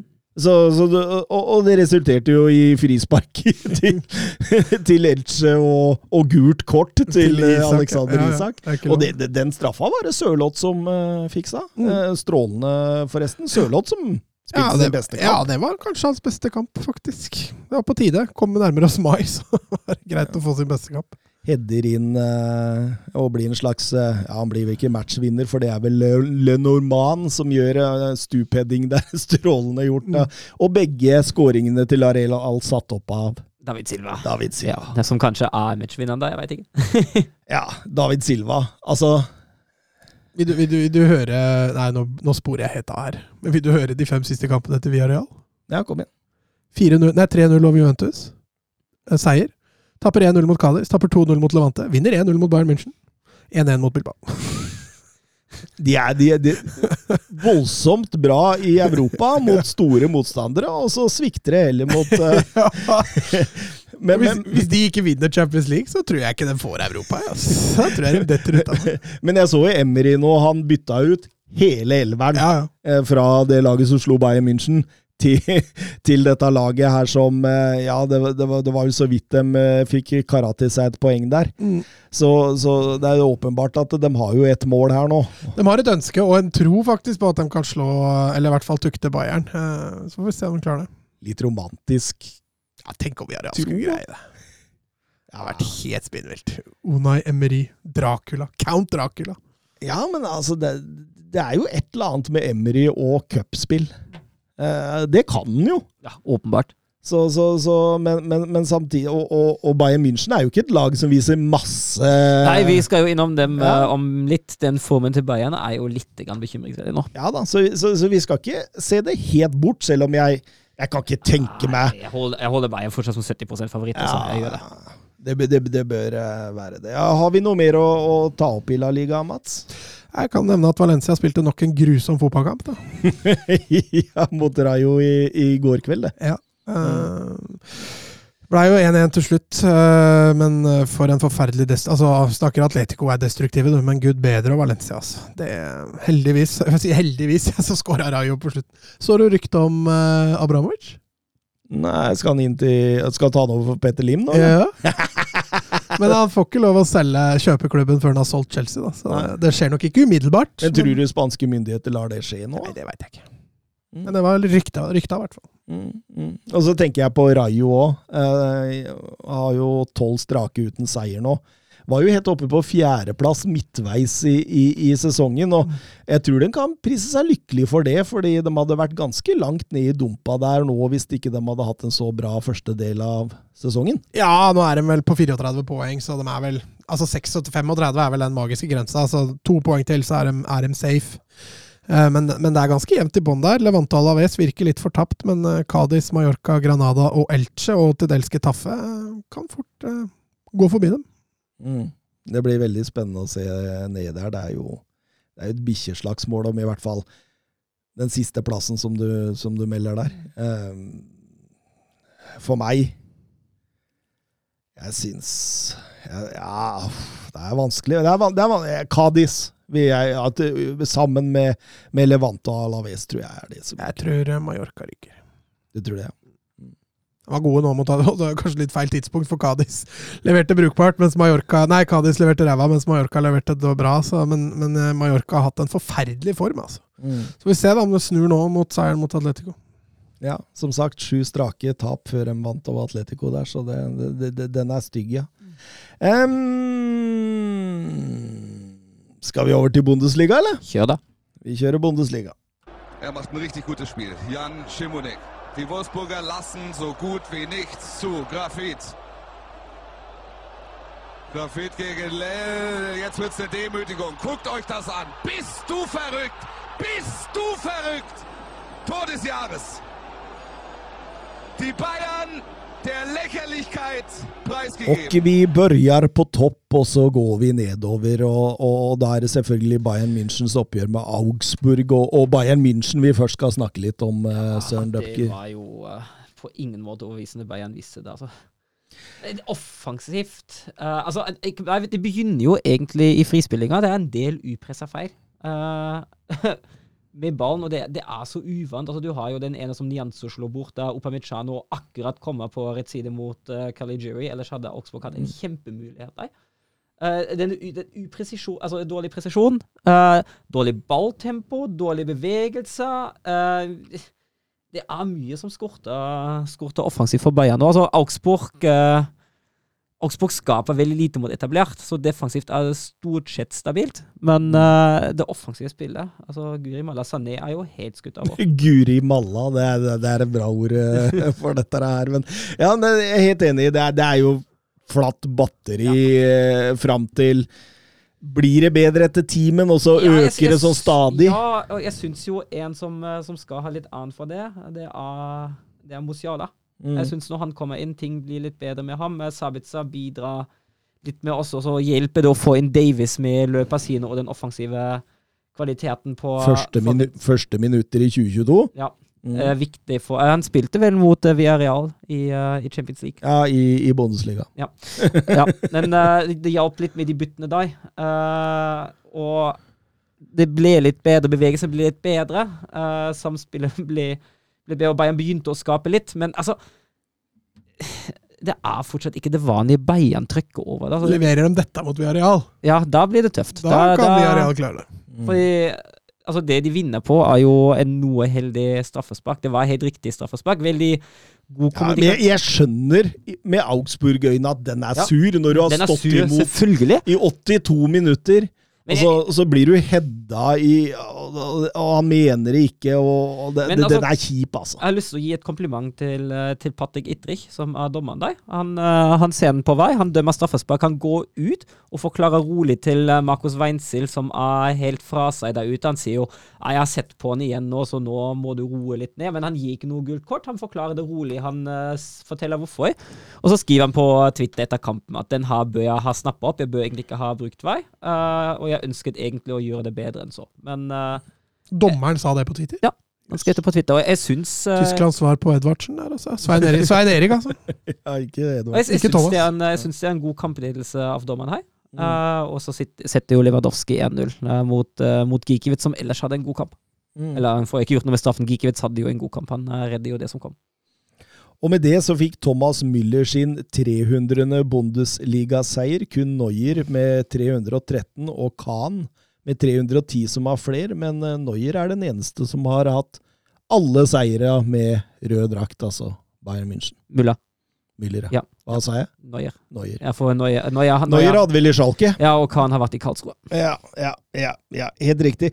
Eh, Steffen Hansen på Twitter. Eh, eh, I og med Lewandowski skårte, så kunne vi jo ta opp denne her.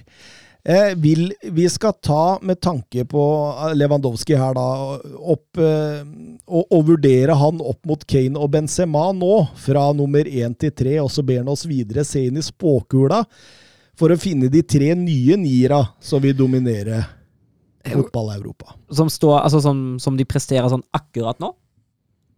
Det er, ja, det tror jeg kanskje Ja, han mener. Da er det Benzema på én, Kane på to og Lewandowski på tre. Ja. Det, Ja. det, det er jevnt, men jeg syns det er som de, som de står seg nå. Altså, den, jeg jeg syns, med tanke på hvilken, hvor, mye, hvor mye Benzema og Kane deltar i angrepsspillet til Tottenham, at de har en litt annen rolle enn Lewandowski har i Bayern. Han er mer den som bare skal dytte. Ja, Ja, helt enig. Uh, og, og da syns jeg Altså, de, har, de spiller en viktigere part for lagene sine akkurat nå. Og de presterer bedre i andre spillets faser, og der står de foran Lewandowski. Og Benzema står foran Kane med tanke på hvor viktig han har vært hele sesongen. Kane har, Kane har hatt en Altså, det, svak det start. Benzema driver med Ja, det er det er sykt. jo en helt annen det Altså, uten Benzema på Stamford Bridge og, og, og Altså Jeg skrev vel på Twitter at det, det, og refererte til Guardiolas det Harry Kane-team. At dette er jo det Benzema-team. Ja, du kan slenge Courtois der òg, da. ja, du ja. kan slenge ja, jeg, fordi jeg, jeg, jeg sa vel at Mm. uh, du kan nesten putte hvilke som helst ni spillere mellom Courtois og Benzema, og de fikser biffen din. Ja, ja, det er jeg helt enig i. Det, det, det, det er voldsomt, det de leverer der. Og, og, og Benzema han fortjener den. Men, men, men tre nye niere, da. Haaland. Ja, selvfølgelig. Uh, hvis, man- kan, man, kan man bruke Mbappe som nier? Jeg tenker jo egentlig Mbappe også. Men han er jo er ikke, ikke sånn noe typisk, nei, han er ikke sånn typisk typisk nier. Helt enig. Eh, Jeg, jeg vil heller dra inn Dusan Vlaovic. Ja. Og, Nun, og, Og Nuno Ja. og ja, da, Darwin, Darwin Nunes. Ja. Der, der har vi de tre neste niera helt, helt perfekt. Eh, Utfordrer av Dortmund de eh, var på besøk i Stuttgart, og stakkars Gio Reina. Ja, jeg, jeg fikk så vondt av det. Han Mm. spiller 53 sekunder, og så Åssen skade var det? uh, muskelskade igjen. Dortmund har hatt en høyk av muskelskade denne sesongen, her nå. Så det er et eller annet som ikke Ja, og, og det kan vi diskutere litt, for det, altså, det er jo voldsomt med skadeproblemer i Dortmund, og spesielt nå etter Rose tok over og, og tok med seg sin, eh, sin administrasjon, om man kan si det sånn. Og, og jeg tenker jo, altså det med skader altså Jeg har vært utsatt for en del skader sjøl i, i min fotballkarriere. og ja, altså Du spiller jo alltid med litt vondt. Det, det, det gjør jo alle fotballspillere. Men altså, du, du har liksom på en måte fire hovedelementer i skadeforebygging. da. Og en av dem det er kampbelastninga. Hvor ofte spiller du kamper under hvor hardt eh, har intensivitet. Nummer to er etter en skade, hvor eh, tidlig blir du presentert inn i laget igjen? Altså en Ansu Fati som åpenbart uh, skada seg for han kom for tidlig inn igjen, f.eks. Er det medisinske apparatet godt nok? Er rådgivninga god nok? Er behandlingene gode nok? Er man Eh, tøffe nok? er man tøffe nok, ja? Eh, fire. Treningshverdag. Kosthold. Det er de fire parametrene. Og, og her må Dortmund inn og Ja. se på dette før neste sesong. Fordi, det, altså det, det er noen typer skader som du ikke får gjort noe med. At Haaland ble, ble tråkka på ankelen mot Armenia, det kan ingen lastes for. Det er Ble jo ikke, var jo ikke ute nå, han. Nei, nei, nei, men altså, tenk, selv hvis han hadde vært ute, det er ingen som kan lastes for det. At, noen, at en spiller ryker korsbåndet pga. noe uheldig, det er ingen som kan lastes for. Men denne hyppigheten av muskelskader som fort kan oppstå pga. de fire effektene som du nå nevner, Thomas, Mm. Den er bekymringsverdig. Uh, Wolfsburg hadde en sesong der det samme skjedde, og da gransker man det medisinske apparatet og bytter vel ut en del folk da òg. Mm. Uh, Det var for noen år siden, jeg husker ikke helt hvilken sesong det var. Uh, Men jeg er helt enig, Dortmund må inn der, fordi det er for mange muskelskader. Det, det her går ikke. Absolutt. Eh, men eh, skaden til Gio Reina gjorde jo at uh, Julian Brandt kom inn, Ja, og han han- setter jo to, han uh, Mats. hell i uhell. Ja, Mm. og han, han satte jo en Bundesliga-rekord. Han, eh, som innbytter skåra han i det 13. minutt, og det er det tidligste en innbytter i Bundesliga noensinne har skåra. Deilig for Julian Brandt der. Ja. Eh, Erling Braut Haaland, målløs. Målløs, eh, Femte kamp på rad. men han er jo Verden- han er assisten mot, verdens mot snilleste Brandt. mann verdens snilleste mann. Eh, Klassepasning. Ja. Godt løp og klassepasning. Eh, men ellers også, jeg syns jo Mavropanos har Særlig i andre omgang har Mavropanos et ganske godt grep på ham. Mm. Eh, og han fungerer ikke helt som target, men for Borussia Dortmund. Der. Morsomt også å se at 17 år gamle Jamie Bino Gittens eh, var med i troppen nå. Altså, det er jo den nye Sancho som blei henta fra City-akademiet. Nå får håpe på noen minutter for slutten av sesongen. Det har vært veldig, veldig moro. Eh, Jonathan Hobber på Twitter, han vil tilbake til forrige uke, han, og ta opp tråden eh, der. Eh, Mener, eh, og så spør han, mener Mats og Søren at ethver blokkeringsforsøk som endrer retning på ball og setter keeperen ut, fritar stopperen for skyld. Jeg blei litt overraska over den, refererer til Shan-episoden. Eh, altså, enhver episode, altså da alle som prøver Altså, grei, greia, da Greia da, er jo det at når noen fyrer av et skudd, og noen skal kaste seg i blokka, kontra det at noen skyter, og så strekker du ut et bein, det kaller jeg jo på en måte Skal vi kalle det en blokk?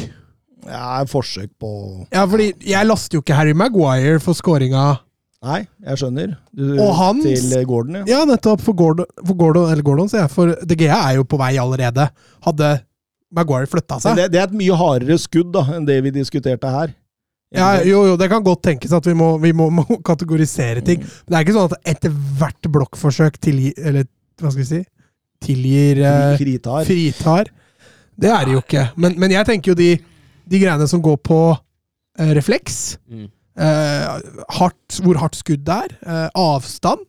Sånne ting må jo spille inn. Ja, og om man står, om man står i synsfeltet til keeperen også. Det kommer i tillegg. Altså, jeg som keeper, da tenker jeg at uh, det, altså, må jo sies da at jeg har aldri spilt på et så høyt nivå. Jeg har spilt langt, langt, langt, langt lavere. Har ikke du spilt på sånn? uh, og det, det, er jo, det er jo forskjell av deg, men altså har jeg Har du ikke vært i Bundesliga, altså? Fader, da har vi tatt inn han på falske premisser. det var det. La, la meg finne CV-en hans igjen når han søkte her. Her står det Ja, Wolfsburg, ja! ja, Flink til å gå på kollektiv, står det her. Ja. Men altså, jeg tenker jo altså, når, når jeg står i mål, da, og jeg har en forsvarsspiller i, uh, i synsfeltet på et skudd, vil jeg mye heller at han kaster seg inn i skuddet og prøver å blokken istedenfor å hoppe ut av det.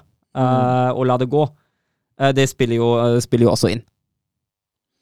Jeg, jeg har for så vidt sagt det jeg mente om den. Jeg har ikke noe særlig liksom på en måte Altså, jeg, jeg har ikke noe mer å tilføre. Jeg mener Kobel hadde full kontroll eh, på den. Eh, Shan prøver å få en fot på den. Den endrer retning, og, og på grunn av Altså, skuddets hastighet og retning, da, så syns jeg at forsvarer bør kunne slippe opp den til keeper, men Samtidig, det, det, altså, det, det kan være opp til Kobel å rope keeper òg. Gjorde den det? Gjorde den Ja, det for, fordi kommunikasjonen kommunikasjon er et viktig Ja, punkt der. ja. Eh, Jeg kan, eh, altså, det er mye verre når en kaster seg inn når keeperen roper at den har kontroll. Det er mange parametere her. Så det, Jeg skal inn og se den uh, skåringa til, altså.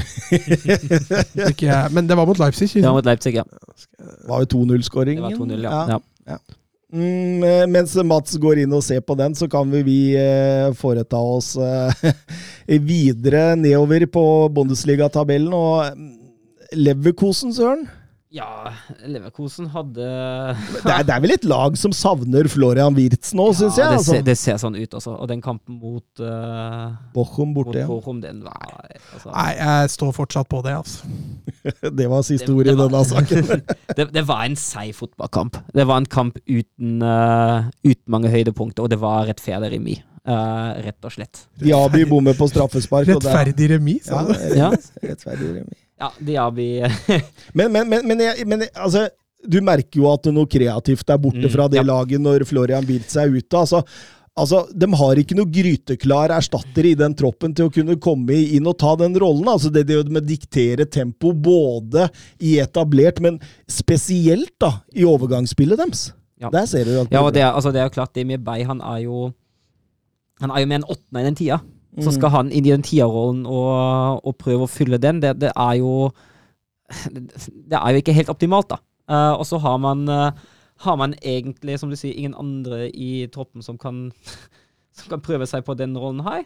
Uh, ja, Nei, altså, det- det, det det er ser ut som de altså. bruker en Demir Bay. Eh, De prøver Ja. å få han inn i en sånn slags rolle, men det, det blir det, det, ikke det samme. det funker jo ikke Nei, helt, da. det- Eh, Det er, det er nesten bedre å prøve å få inn en av kantspillerne inn i en tierrolle på linje, eksempel, som, uh, som er en litt mer kreativ type. Mm, jeg er helt enig.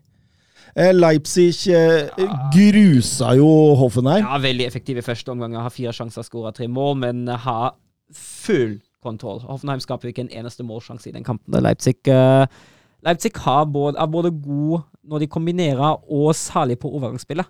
Eh, og en konko med, med nok en strålende fotballkamp. Eh, Nkunku har 17 Bundesligamål, 10 av dem i 2022. og ikke, ikke nok med at han på en måte bar Leipzig-laget under Jesse Mars, men han har jo fortsatt det under Tedesco, og, og, og er liksom på en måte lagets offensive talisman. og jeg, jeg tror fort han kan bli et offer for større klubber neste sesong. Allerede, ja. Mm. Altså, nå har, nå har Leipzig har sagt for noen uker siden at de skal beholde den konko for nesten enhver pris. Mm. Uh, men hvis en klubb byr nok, tenker jeg også at uh, da kommer Leipzig til å selge. Det er den eneste spilleren i Bundesliga som har tosifra antall mål og assist denne Ja. sesongen. Ja, og han, er, jo- han har jo vært helt enorm. og Men han- hvilken klubb som har råd til å hente han, skal ja, hente han? PSG, for eksempel. Hvis PSG skal, eh, Ja, skal Vi, har jo snakka om det at han er Ja. gryteklar for PSG. Ja, vi, har vi vel egentlig gjort, men, men jeg tenker jo også eh, For et lag som eh, eh, ja, altså ty, type sånn der ah, høyt press overgangstype lag eh, eh, Kanskje for en Ten Hag hvis han skal ta over Manchester United. Ikke sant? En sånn type, men Det skal jo sies, han har jo eh, eh, Skal vi se Han har jo kontrakt Han har, han har nok eh, Han har kontrakt en stund til. mm. Ja, ja. Jeg tror ikke han blir billig. Nei, blir han, billig blir ikke, han blir nok ikke det.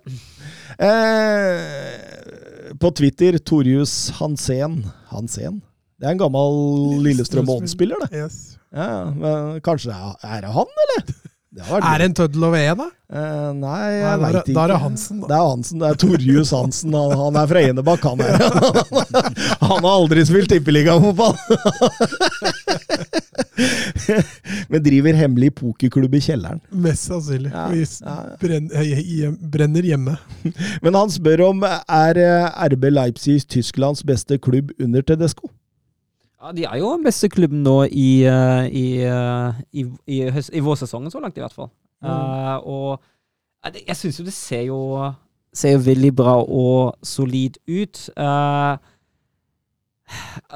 kan, hvis, hvis man omformulerer litt og sier at den beste klub, den klubben som har gjort størst steg under ny trener, uh, da vil jeg si, det. jeg vil jo si fortsatt at hvis Bayern møter på Leipzig nå, vinner Bayern seks, sju, åtte av de ti kamper hvis de møtes ti ganger. Eh, så om, om de er den beste klubben, veit jeg ikke helt. Eh, men eh, Jeg er enig Ja, ja, at de har tror, tatt du, tror du det er sånn Bayern er nå? For der ville jeg tenkt, altså Så, Altså, Nå er jo ikke jeg vist meg som mester i resultattips, men, men, men, men altså Ja, altså, Formen tar- til Leipzig nå, formen til Bayern München nå det, da, Altså, jeg hadde slitt med å, å, Tippe, en tippe en vinner. Ja, altså hvis, men hvis du tar Altså hvis du gir Bayern ti kamper, da, så kommer de seg nok i form eh, i god tid til å, til å stikke av. Altså hvis du tar form akkurat nå, ja, for all del. Men uh, hvis, du ser på, hvis du ser på helheten, tenker jeg fortsatt at Bayern er et, uh, er et hakk over. Men Leipzig er ikke langt unna, altså. Uh, I hvert fall med tanke på Altså Jeg vil jo si at Leipzig akkurat nå er Nå kommer til form og kvalitet nummer to. Skal jo til Bay Arena neste helg og møte Den- Leverkosen. Den kan jo bli en gøy fotballkamp, det. Det, det blir Det, det, Ja, det de, er har, det vi de har jo noe krig om i Europaligaen fortsatt òg. Ja, absolutt. Starta trått mot Atalanta, men kom seg ganske bra utover i matchen. Mm. Helt klart eh, største utfordrere, da. Freiburg og Christian Streich. Ja, de var effektive i Frankfurt og vant eh, 2-1 i en kamp da, som måtte ta pause etter to minutter fordi to aktivister stripet seg fast i ståpene ved siden Litt av sånn som å Juventus. være Ja. Nei, eller var det Ja, Everton? Ja, Everton, ja. Ja. Og Nils Pettersen gjør det igjen. ja, han altså det, det er jo helt enormt.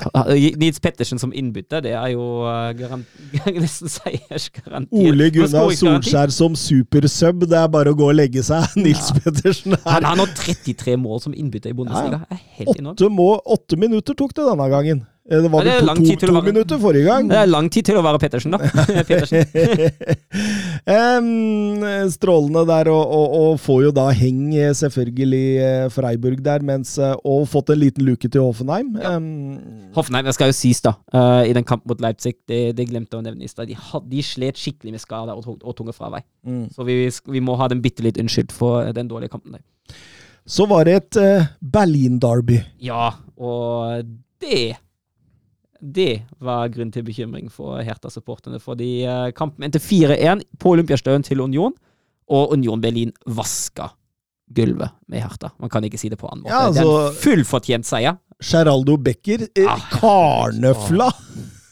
Han karnøfla, Mats! Det er et så artig ord. eh, eh, Vebjørn Fredheim på Twitter.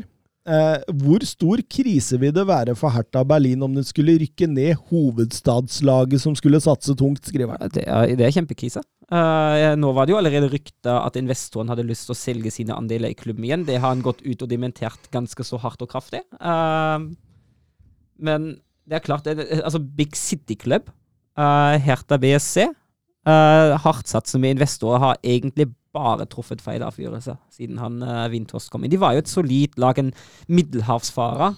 Uh, hinsides fra godt og vondt, da.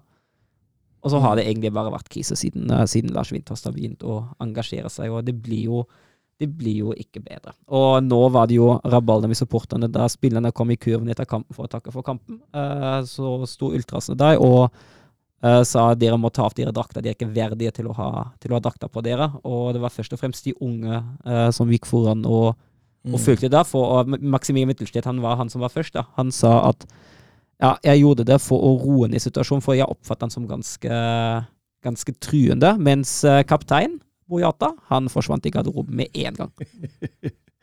Skal jeg fortelle deg Altså, Hertha Berlin har brukt 385 millioner euro siden de eh, satsa for tre år siden der. Ja. Du sammenligner med Union Berlin nå? Ja, som Ja. har brukt 26 millioner euro. Ja. Eh, Union Berlin kjemper om Europa.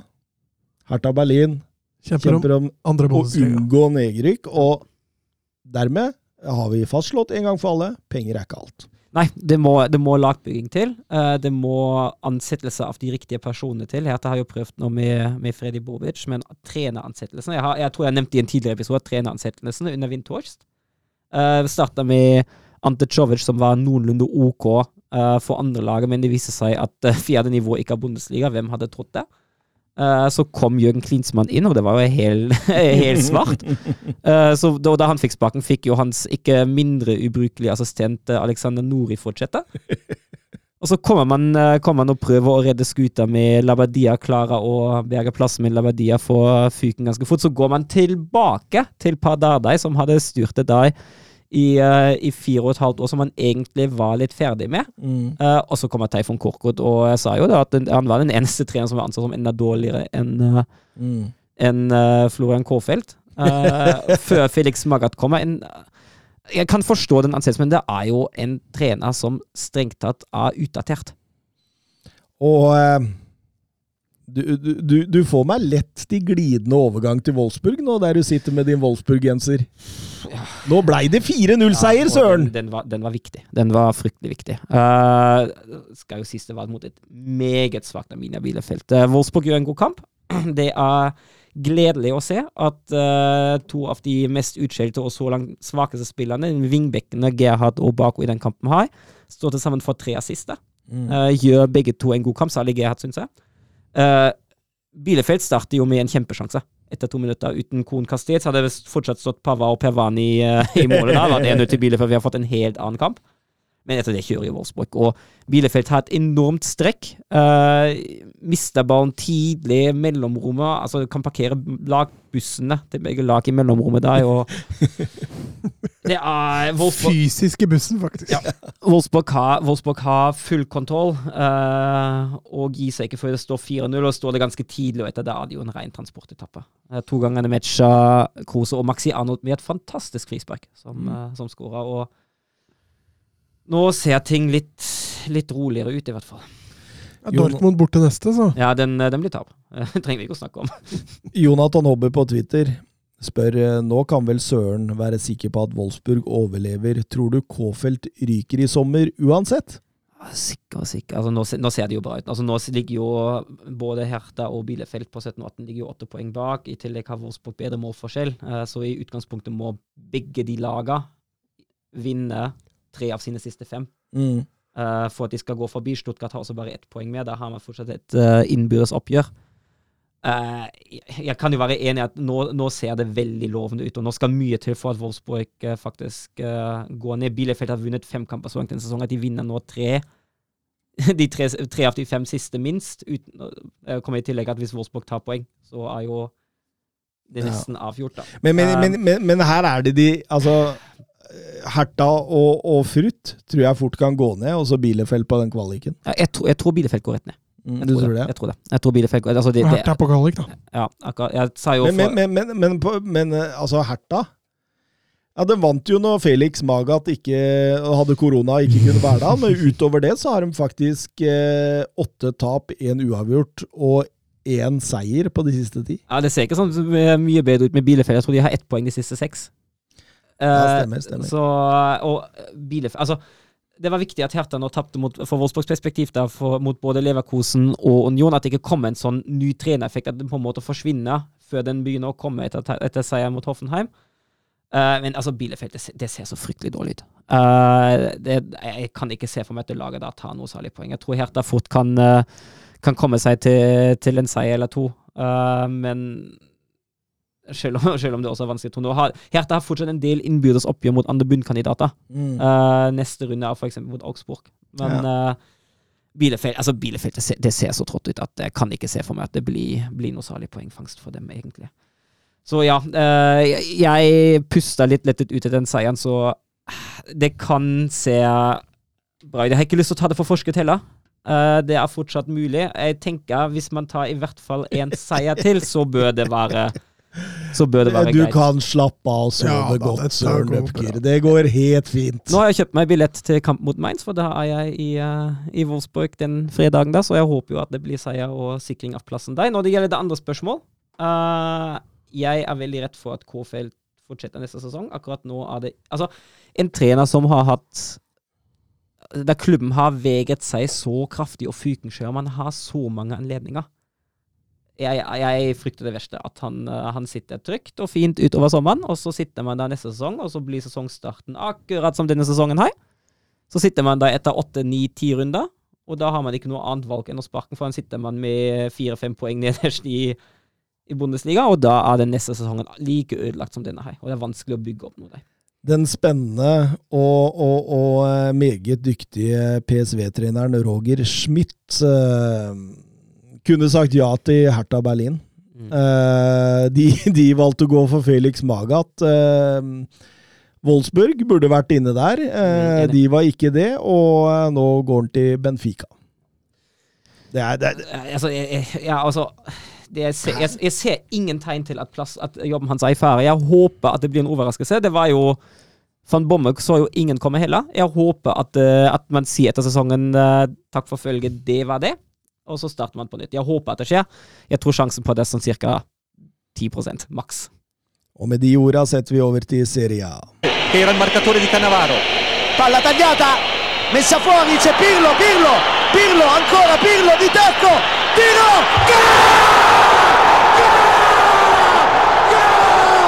Grosso, grosso, gol di Grosso, gol Grosso. For et rotterace vi får om skudettoen her. Vi kan, vi, vi, vi kan for så vidt begynne med mm, AC Milan, som var på tur i Torino. Det er altså skal sies at uh, Torino borte under Ivan Juric er overhodet ikke enkelt og, og, og, og sånt, men det er liksom på en måte måten dette skjer på. Milan er blodfattige fremover omtrent, altså. I hvert fall i Vi har hatt liksom noen sånne kamper som varierer så sinnssykt. Fra det helt begredelige til det helt fantastiske, altså. Ja, og jeg, jeg synes jo, jeg er jo helt enig, altså jeg synes den første, i hvert fall timen, og vel så det, så er de helt avhengige av enkeltmannsprestasjoner. Det er det eneste de har, nesten. Ja, og, og, og, og det ser ut som de lener seg på at den venstresida med Theo Hernandez og Rafael Leao at det er de Mm. som må gjøre noe.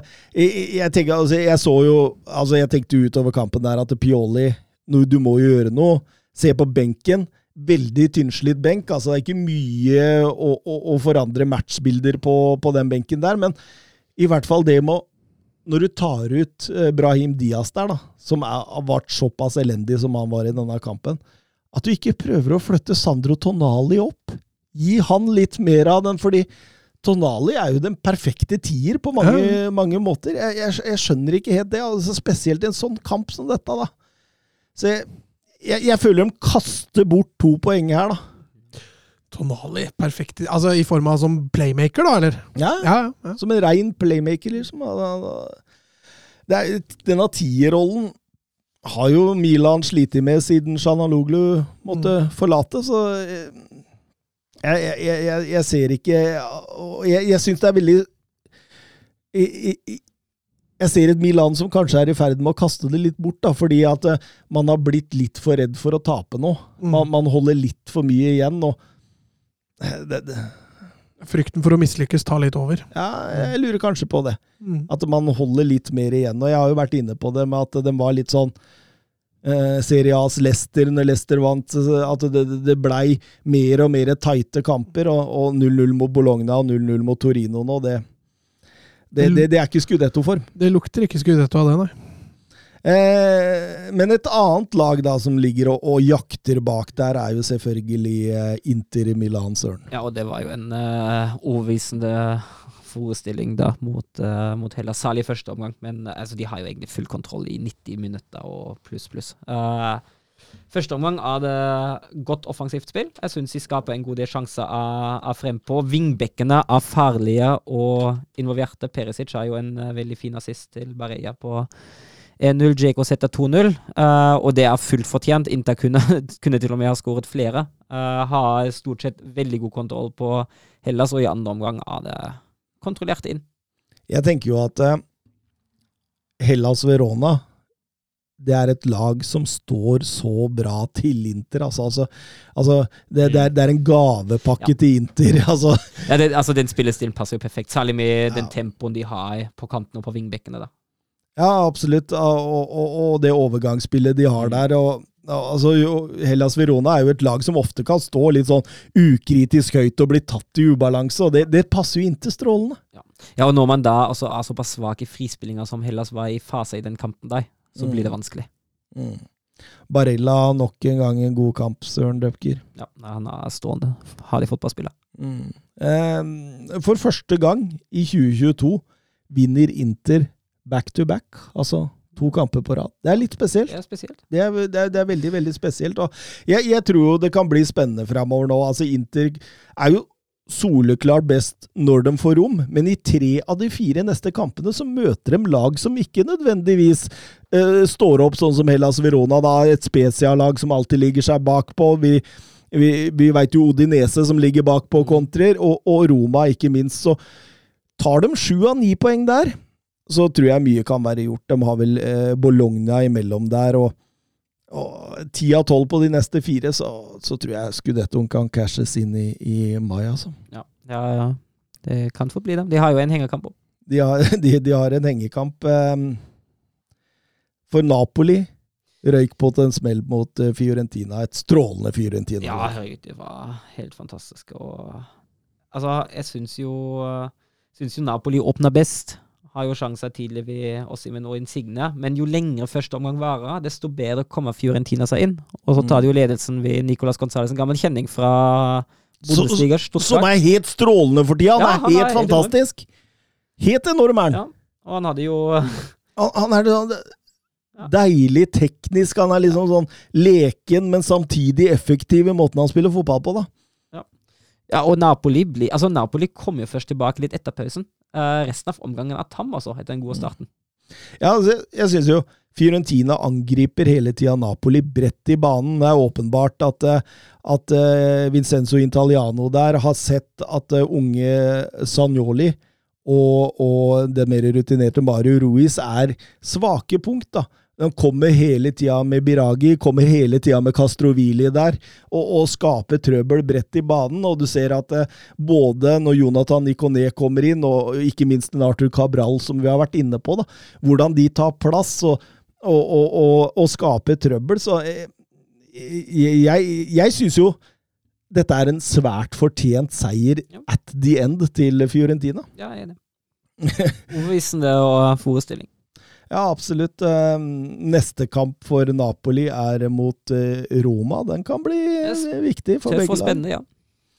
Eh, tror vi at Fiorentina kan være et lag som, som utfordrer topp fire neste sesong? Eller? Altså, jeg har sittet litt, tenkt litt på det. Altså, imponert voldsomt Ja, etter, etter salget av Vlaovic. Enig, men eh, sånne lag har jo gjerne dessverre en sånn tendens til å miste sine beste spillere til sommeren.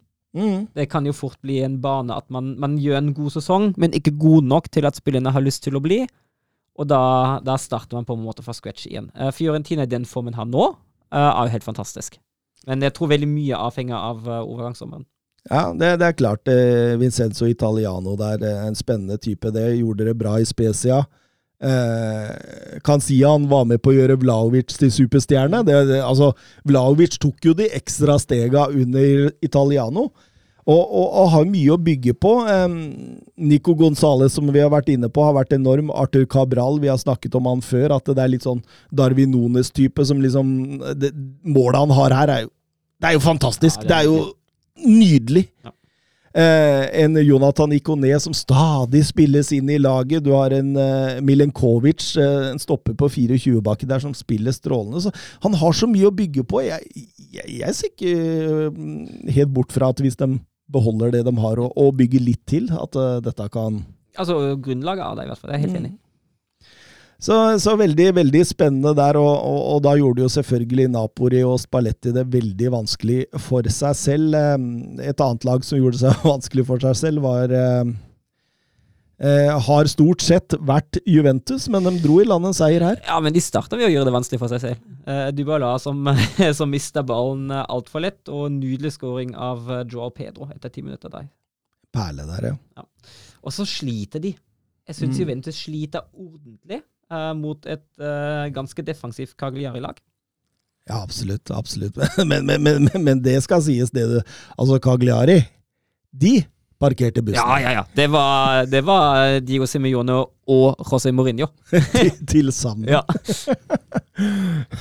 Men uh, Diego Mourinho. Diego Mourinho eller José Simione? Hvem var best av de to?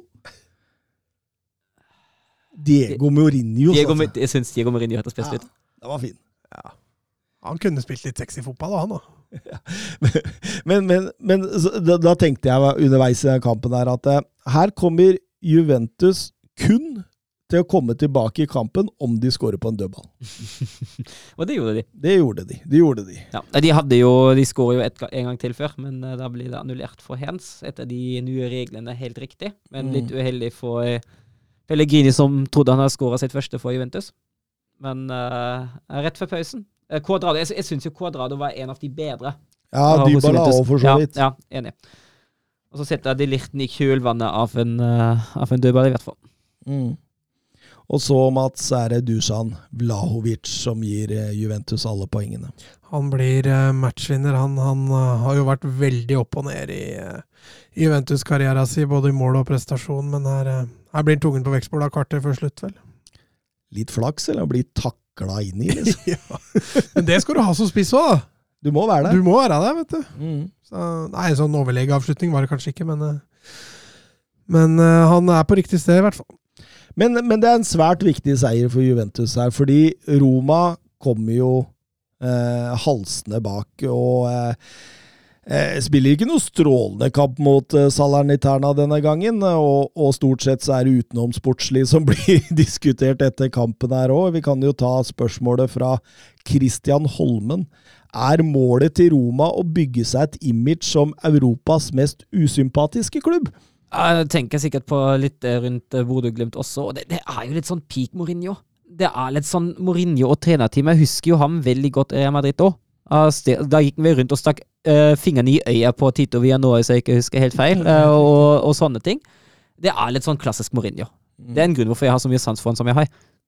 Men- det var jo det var Men, men, men samtidig, etter denne feiden som har gått til politianmeldelse, og den har gått til Uefas disiplinærkomité eh, i, I Bodø er det ikke greit å ligge litt lavt da? Isteden så pådrar de seg nye usportsligheter mot Ja, men, og eh, det er så typisk Altså, han er jo en, han er jo en Unnskyld, forferdelig type, da. Åh, Jesus. Og jeg, Ja, jeg, så tror jeg, tror jeg det er med overlegg. Jeg tror, Ja, jeg det, altså- er- jeg tror det er plan. Ja, altså, jeg tror at den med, den med Kjetil Knutsen Da sitter jeg etterpå og tenkte at da sendte keepertreneren for å dra på en karantene på Knutsen, fordi han kan unnvære keepertreneren i karantene. Det går helt greit for ham. Men for Glimt er det verre å miste hovedtreneren sin neste Altså, det, det er så type Det er, er så usportslig type, han Mourinho, altså. Det er helt sykt. Ufuselig uten like. Eh, nå skal det sies at denne Nuno Santos han var jo også keepertrener i Tottenham, og han var ganske sleivkjefta i Tottenham òg. Han fikk vel annet en kampskarantene her og der, husker jeg. Så det er åpenbart en kar som ikke har eh, Ja, altså, det- alle det- manerer i boks. Altså, jeg tror det kan ikke være det, Altså, jeg tror det er mulig at det ikke var Mourinho som står bak likevel. Altså, det, altså jeg er litt, litt forsiktig når ingenting er bevist, for han, han, sitter, han sitter i, etterpå i pressekonferansen mot Salernitana og sier unnskyld på vegne av eh, benken sin. Eh, men men, men om, jeg, jeg veit ikke helt om jeg tar det som ironi eller ikke, fordi han sier eh, Han sier at eh, vi, vi, Unnskyld for at vi sa noen dårlige ord der på slutten. Og jeg kan ikke tenke meg at Salerniternas president og tidligere Roma-president går ut og er såpass hard mot oppførselen hvis de sa et par dårlige ord mot slutten. Mm. Så jeg, jeg, jeg, jeg, Ja, altså, altså, er det, jo, det er jo ikke tilfeldig at det skjer gang på gang med lag som Mourinho er involvert i. Mm. Det er ikke mye noe- kynisme. Det er Ja. kynisme, kynisme, Ja. kynisme. Hvordan kan vi få overtak på motstanderen vår uten å Men samtidig, de vinner eh, totalt sett eh, meget fortjent her. Altså, de hadde voldsomt med, ska, med, med, med sjanser der etter eh, I hvert fall ute i annen omgang, der når hun begynner å føle presset. Det er jo Radovanovic som setter et fantastisk frispark der eh, på 0-1. og eh, Men eh, jeg, jeg gleder meg til Roma og Bodø-Glimt på torsdag. Den skal jeg se, altså.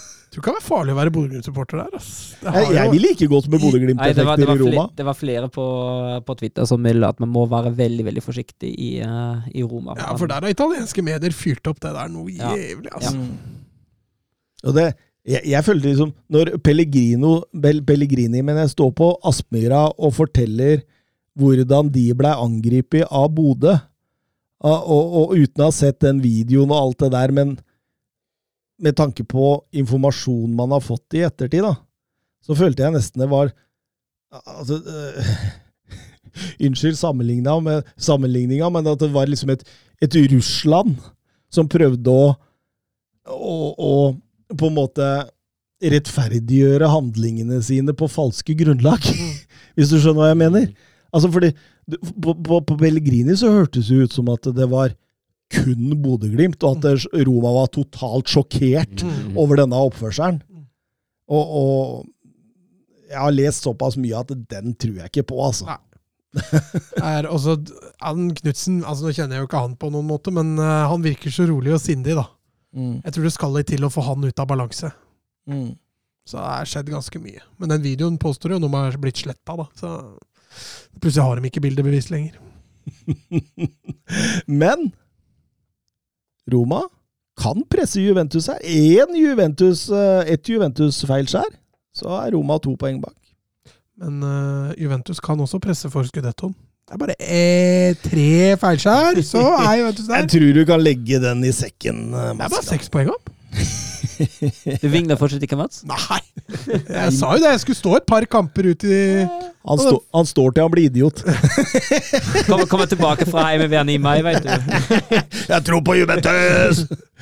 Men um, over til uh, Lazio, da, som um, ga eh, Alexander Blessin sin første skikkelige sprekk og vant 1-4. til Lazio som er, eh, er litt på gang nå.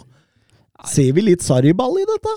Ja, det kan jo Altså, formen til Lazio er jo, er jo bra, og ser jo bra ut det de presterer på banen. Og når du sier at uh, Roma kan, uh, kan presse Juventus, ja, uh, men Lazio er altså bare to poeng bak, og Fiorentina fire med én kamp mindre spilt. Så hvis Roma kommer i et feilskjær, kan også de falle ut av topp seks, altså. Det er ikke umulig. Og Immobile, han er i form. Ja, står med 24 mål på 26 kamper nå. Et eh, snitt på 0,89 per kamp. eh, To foran Dusan Vlaovic i, i, i kampen om toppskårertittelen der, så han, han leverer som, eh, som vanlig, han eh, Søren. Eh, enorm spiss. I hvert fall i serien. Mm.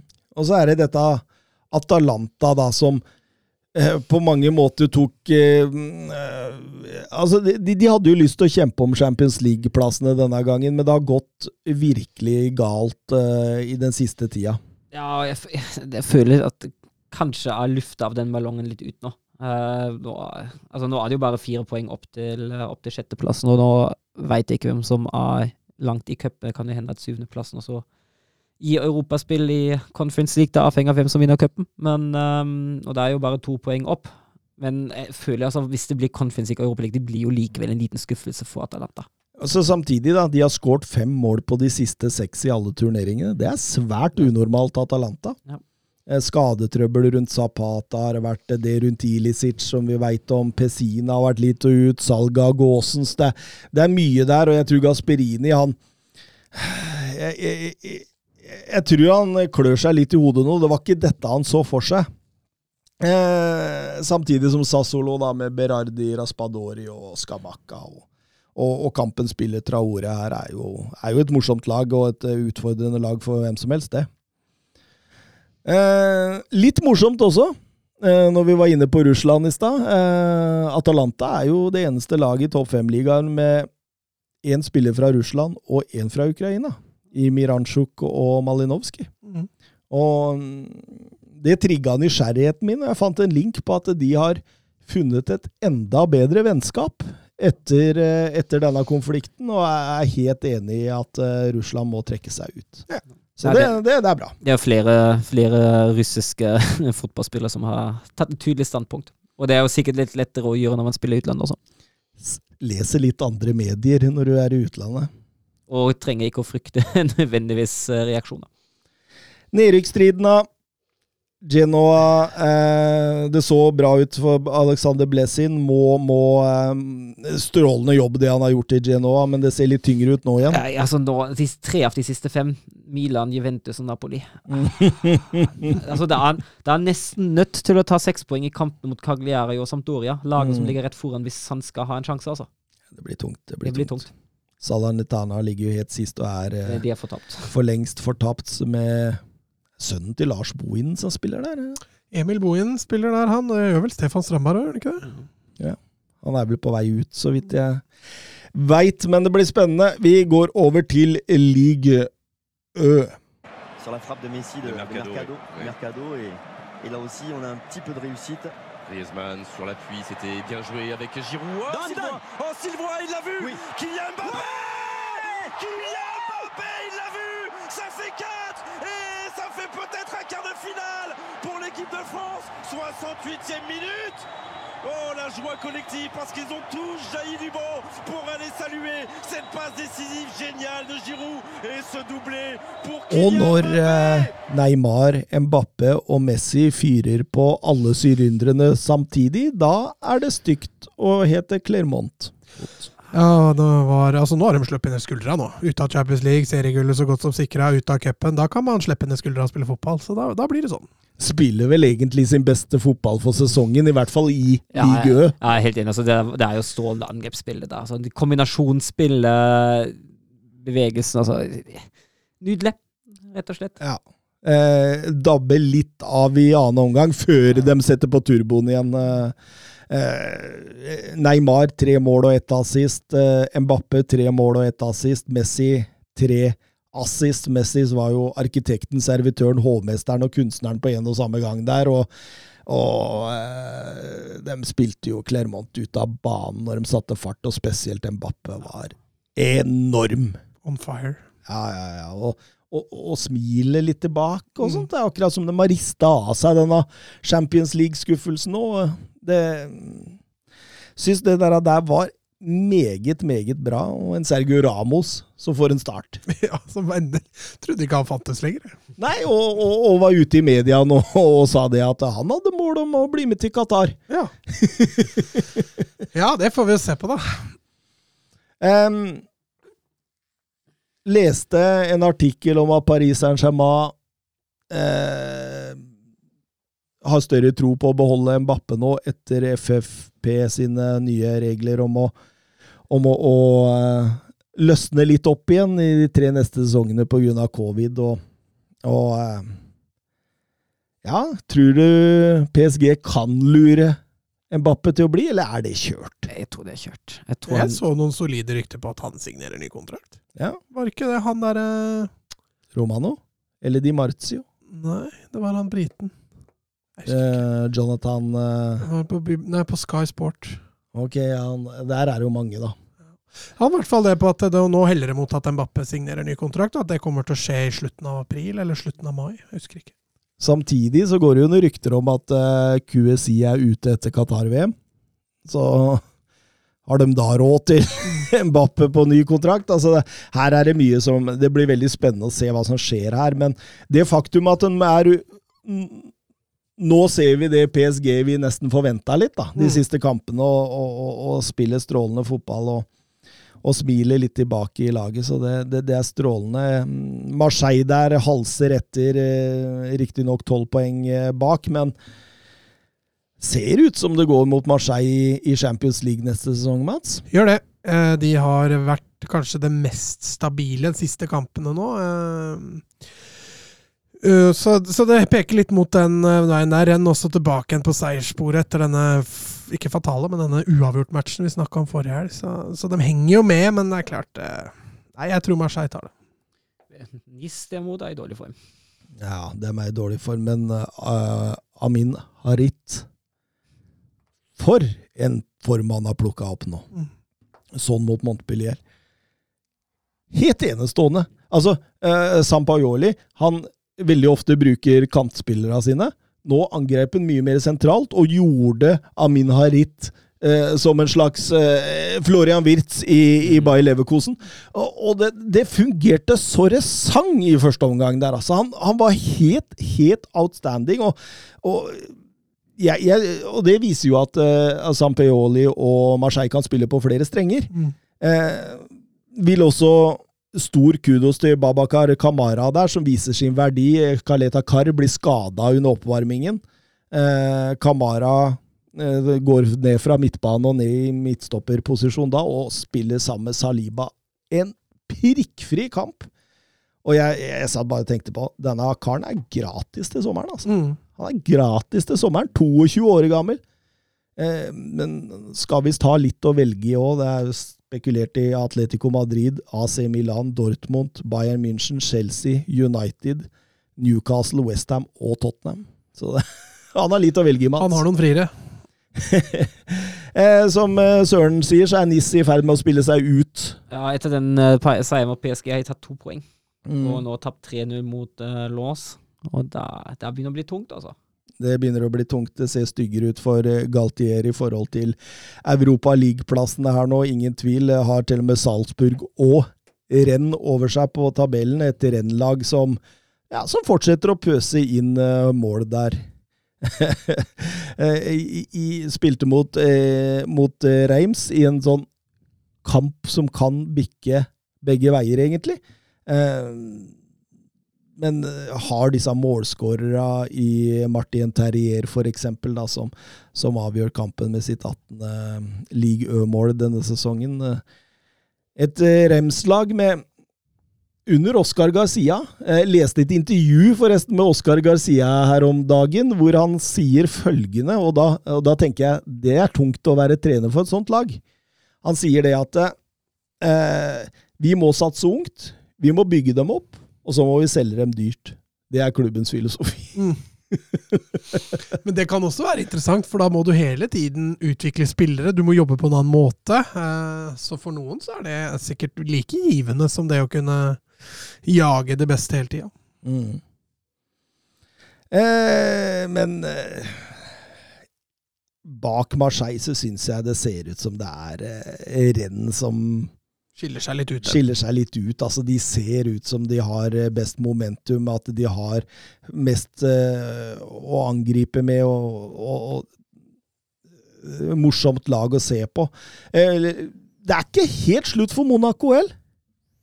Nei, de vant vel i helga, dem òg? Ja, de vant uh, selvfølgelig i helga, og, og riktignok en ganske Det var ikke en voldsomt god kamp, men Kevin Folland ble matchvinner der etter Ca. en time spilt. Mye snakk om Shuameni for tida òg.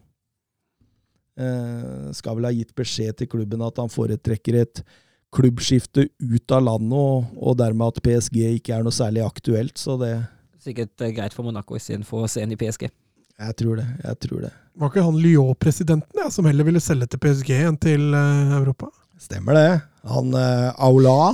Rar filosofi. Ja, veldig merkelig. Vi styrker konkurrentene våre. Vi vil helst det, vi et Lyon som, eh, som klarte 1-1 het på slutten mot Strasbourg der. Eh, det, de har jo kollapsa helt av denne sesongen. Men veldig gode i Europa League. Altså, ja. kampen, de eh, hadde, kampen de hadde mot Westham, var jo enestående, og en Dombele Jeg har aldri sett den så god. Jeg, selv om han har variert litt mer etter en god start, så, så mot Westham der, da var han på plass, for å si det sånn. Ligger svar på Villarreal? Ja, kanskje det. kanskje Det Det blir spennende å se. Dem, jeg, jeg, tror de slår ut Westham nå, for Westham ser ikke veldig bra ut lenger. Så, så da, da, da, kan det jo gå hur bra som helst. I nedrykksstriden der eh, Bordeaux har begynt å komme seg litt. Sju poeng de siste tre. Ja, eh, Bordeaux eh, Ja, det, altså det har jo vært en fryktelig sesong for Bordeaux. Ja.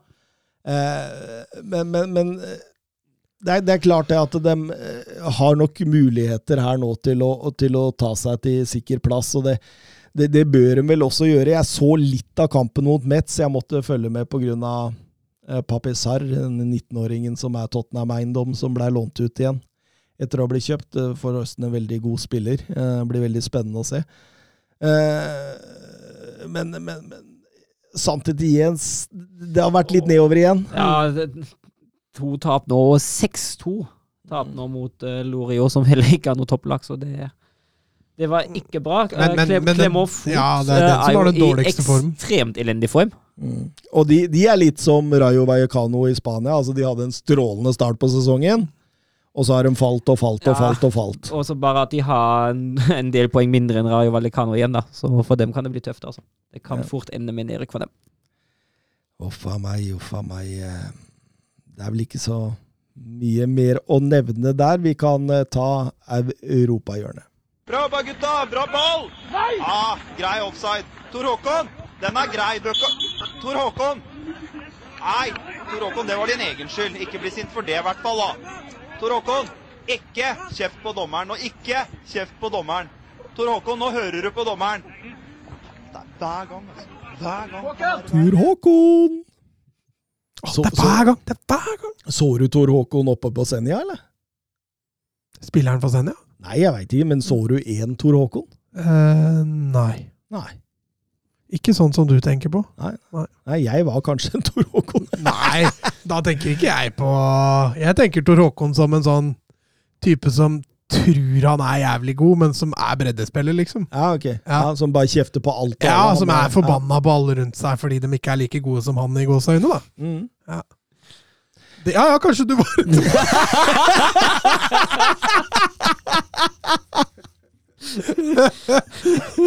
Frekk har han blitt på sine eldre dager.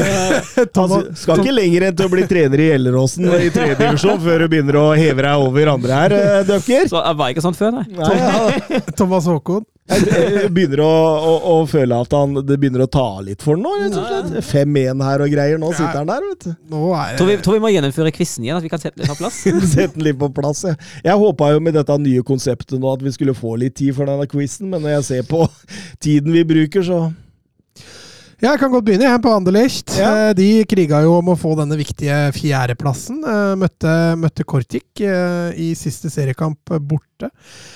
Eh, Det gikk Det begynte litt trått. Eh, Fikk en litt unødvendig straffe imot, eh, som ble satt i mål.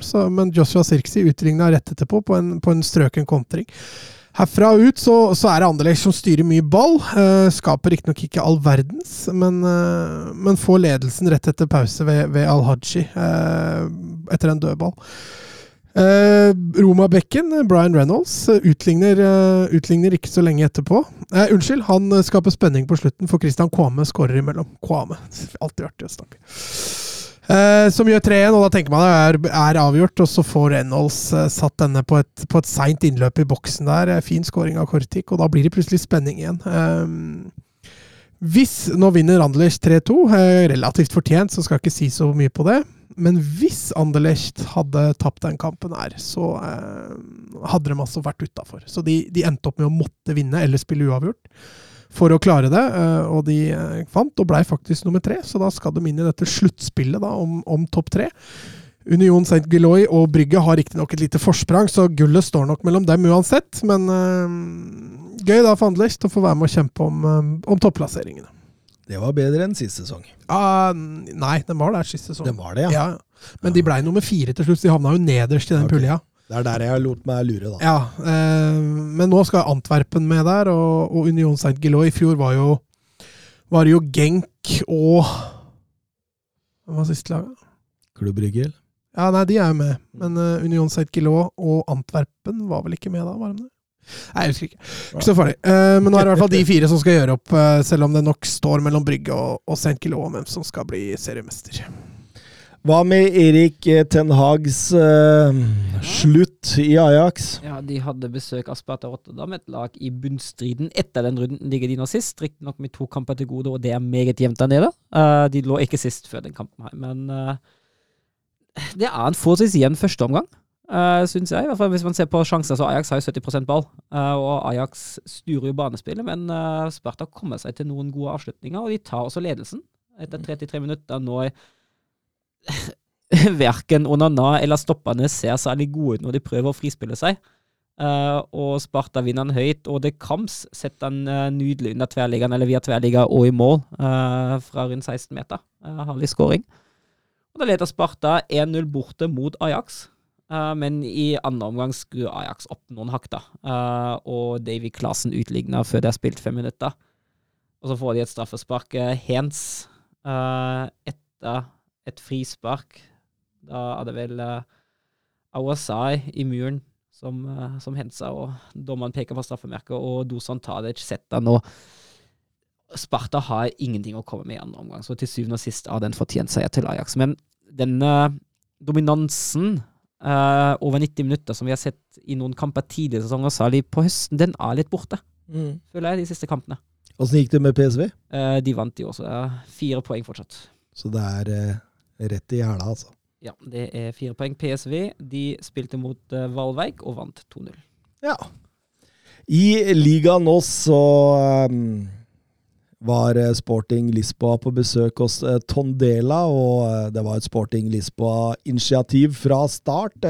Et Tondela-lag som gikk ganske defensivt til verks i kampen, ga bort mye ball og mye initiativ, og, og, og 0-1 sitter etter 25 minutter der cirka, eller 29 minutter er vel kanskje, det er rundt halvtimen spilt, hvor Gonzalo Inazio, denne store, talentfulle stopperen som banker løs fra 25 meter lavt i, i lengste og, og sender eh, Sporting i, i ledelsen.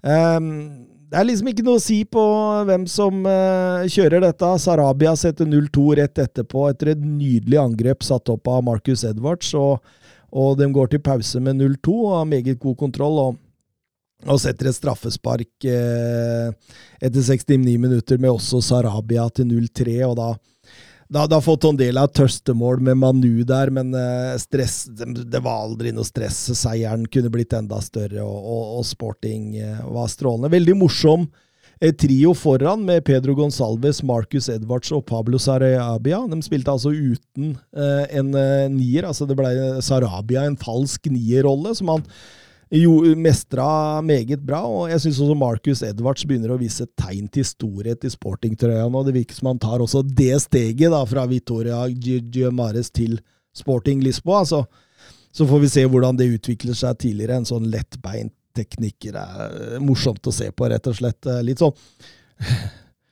Han er, han er, han er så Han er så ekstremt uh, Altså, du, du, skjønner ikke alltid hva han skal gjøre. Hva heter det? Ubeslutt... Nei, ikke ubesluttsom. Når, Uberegnelig? Uberegnelig, ja. Så du, du, du, du, skjønner jo ikke hva han driver med noen ganger. Han ser ut som en sånn Sean Wright Phillips Forvirra Sean Wright Phillips, men, men, men, det er ganske effektivt. Det er veldig morsomt å se på. Benfica vant 3-1 over Bellineses. Darwin Nones setter hat trick og har dermed 24 mål på 24 kamper, mens Porto vinner i en ganske traus kamp borte mot Vitoria med 0-1. Det er Taremi som skårer kampens eneste mål på straffespark, og dermed er Altså, det var tre seire til de tre beste, og da Det er ingenting eh, nytt på tabellen. Porto leder med seks poeng på Sporting, som, og leder med hele 15 ned til Benfica, som, som jeg har fortalt om har falt litt av. Um, så dette var det. Sporting um, går som sagt mot, uh, mot en annenplass. Det må, må være lov å si. Hva tenker vi, gutta, om vårt, vårt nye konsept? Jeg syns jo det er gøy. Vi, vi, er jo litt friere til å snakke, syns jeg. Vi er litt friere. Mm. Jeg håper at lytterne liker det òg. Ja, jeg, jeg, tror dette ble en bra sending. Ja, det tror jeg òg. Det virker Altså, fra, fra innsida virker det sånn. Fra, fra innsiden virker det sånn, så får vi heller se hva det blir på utsida.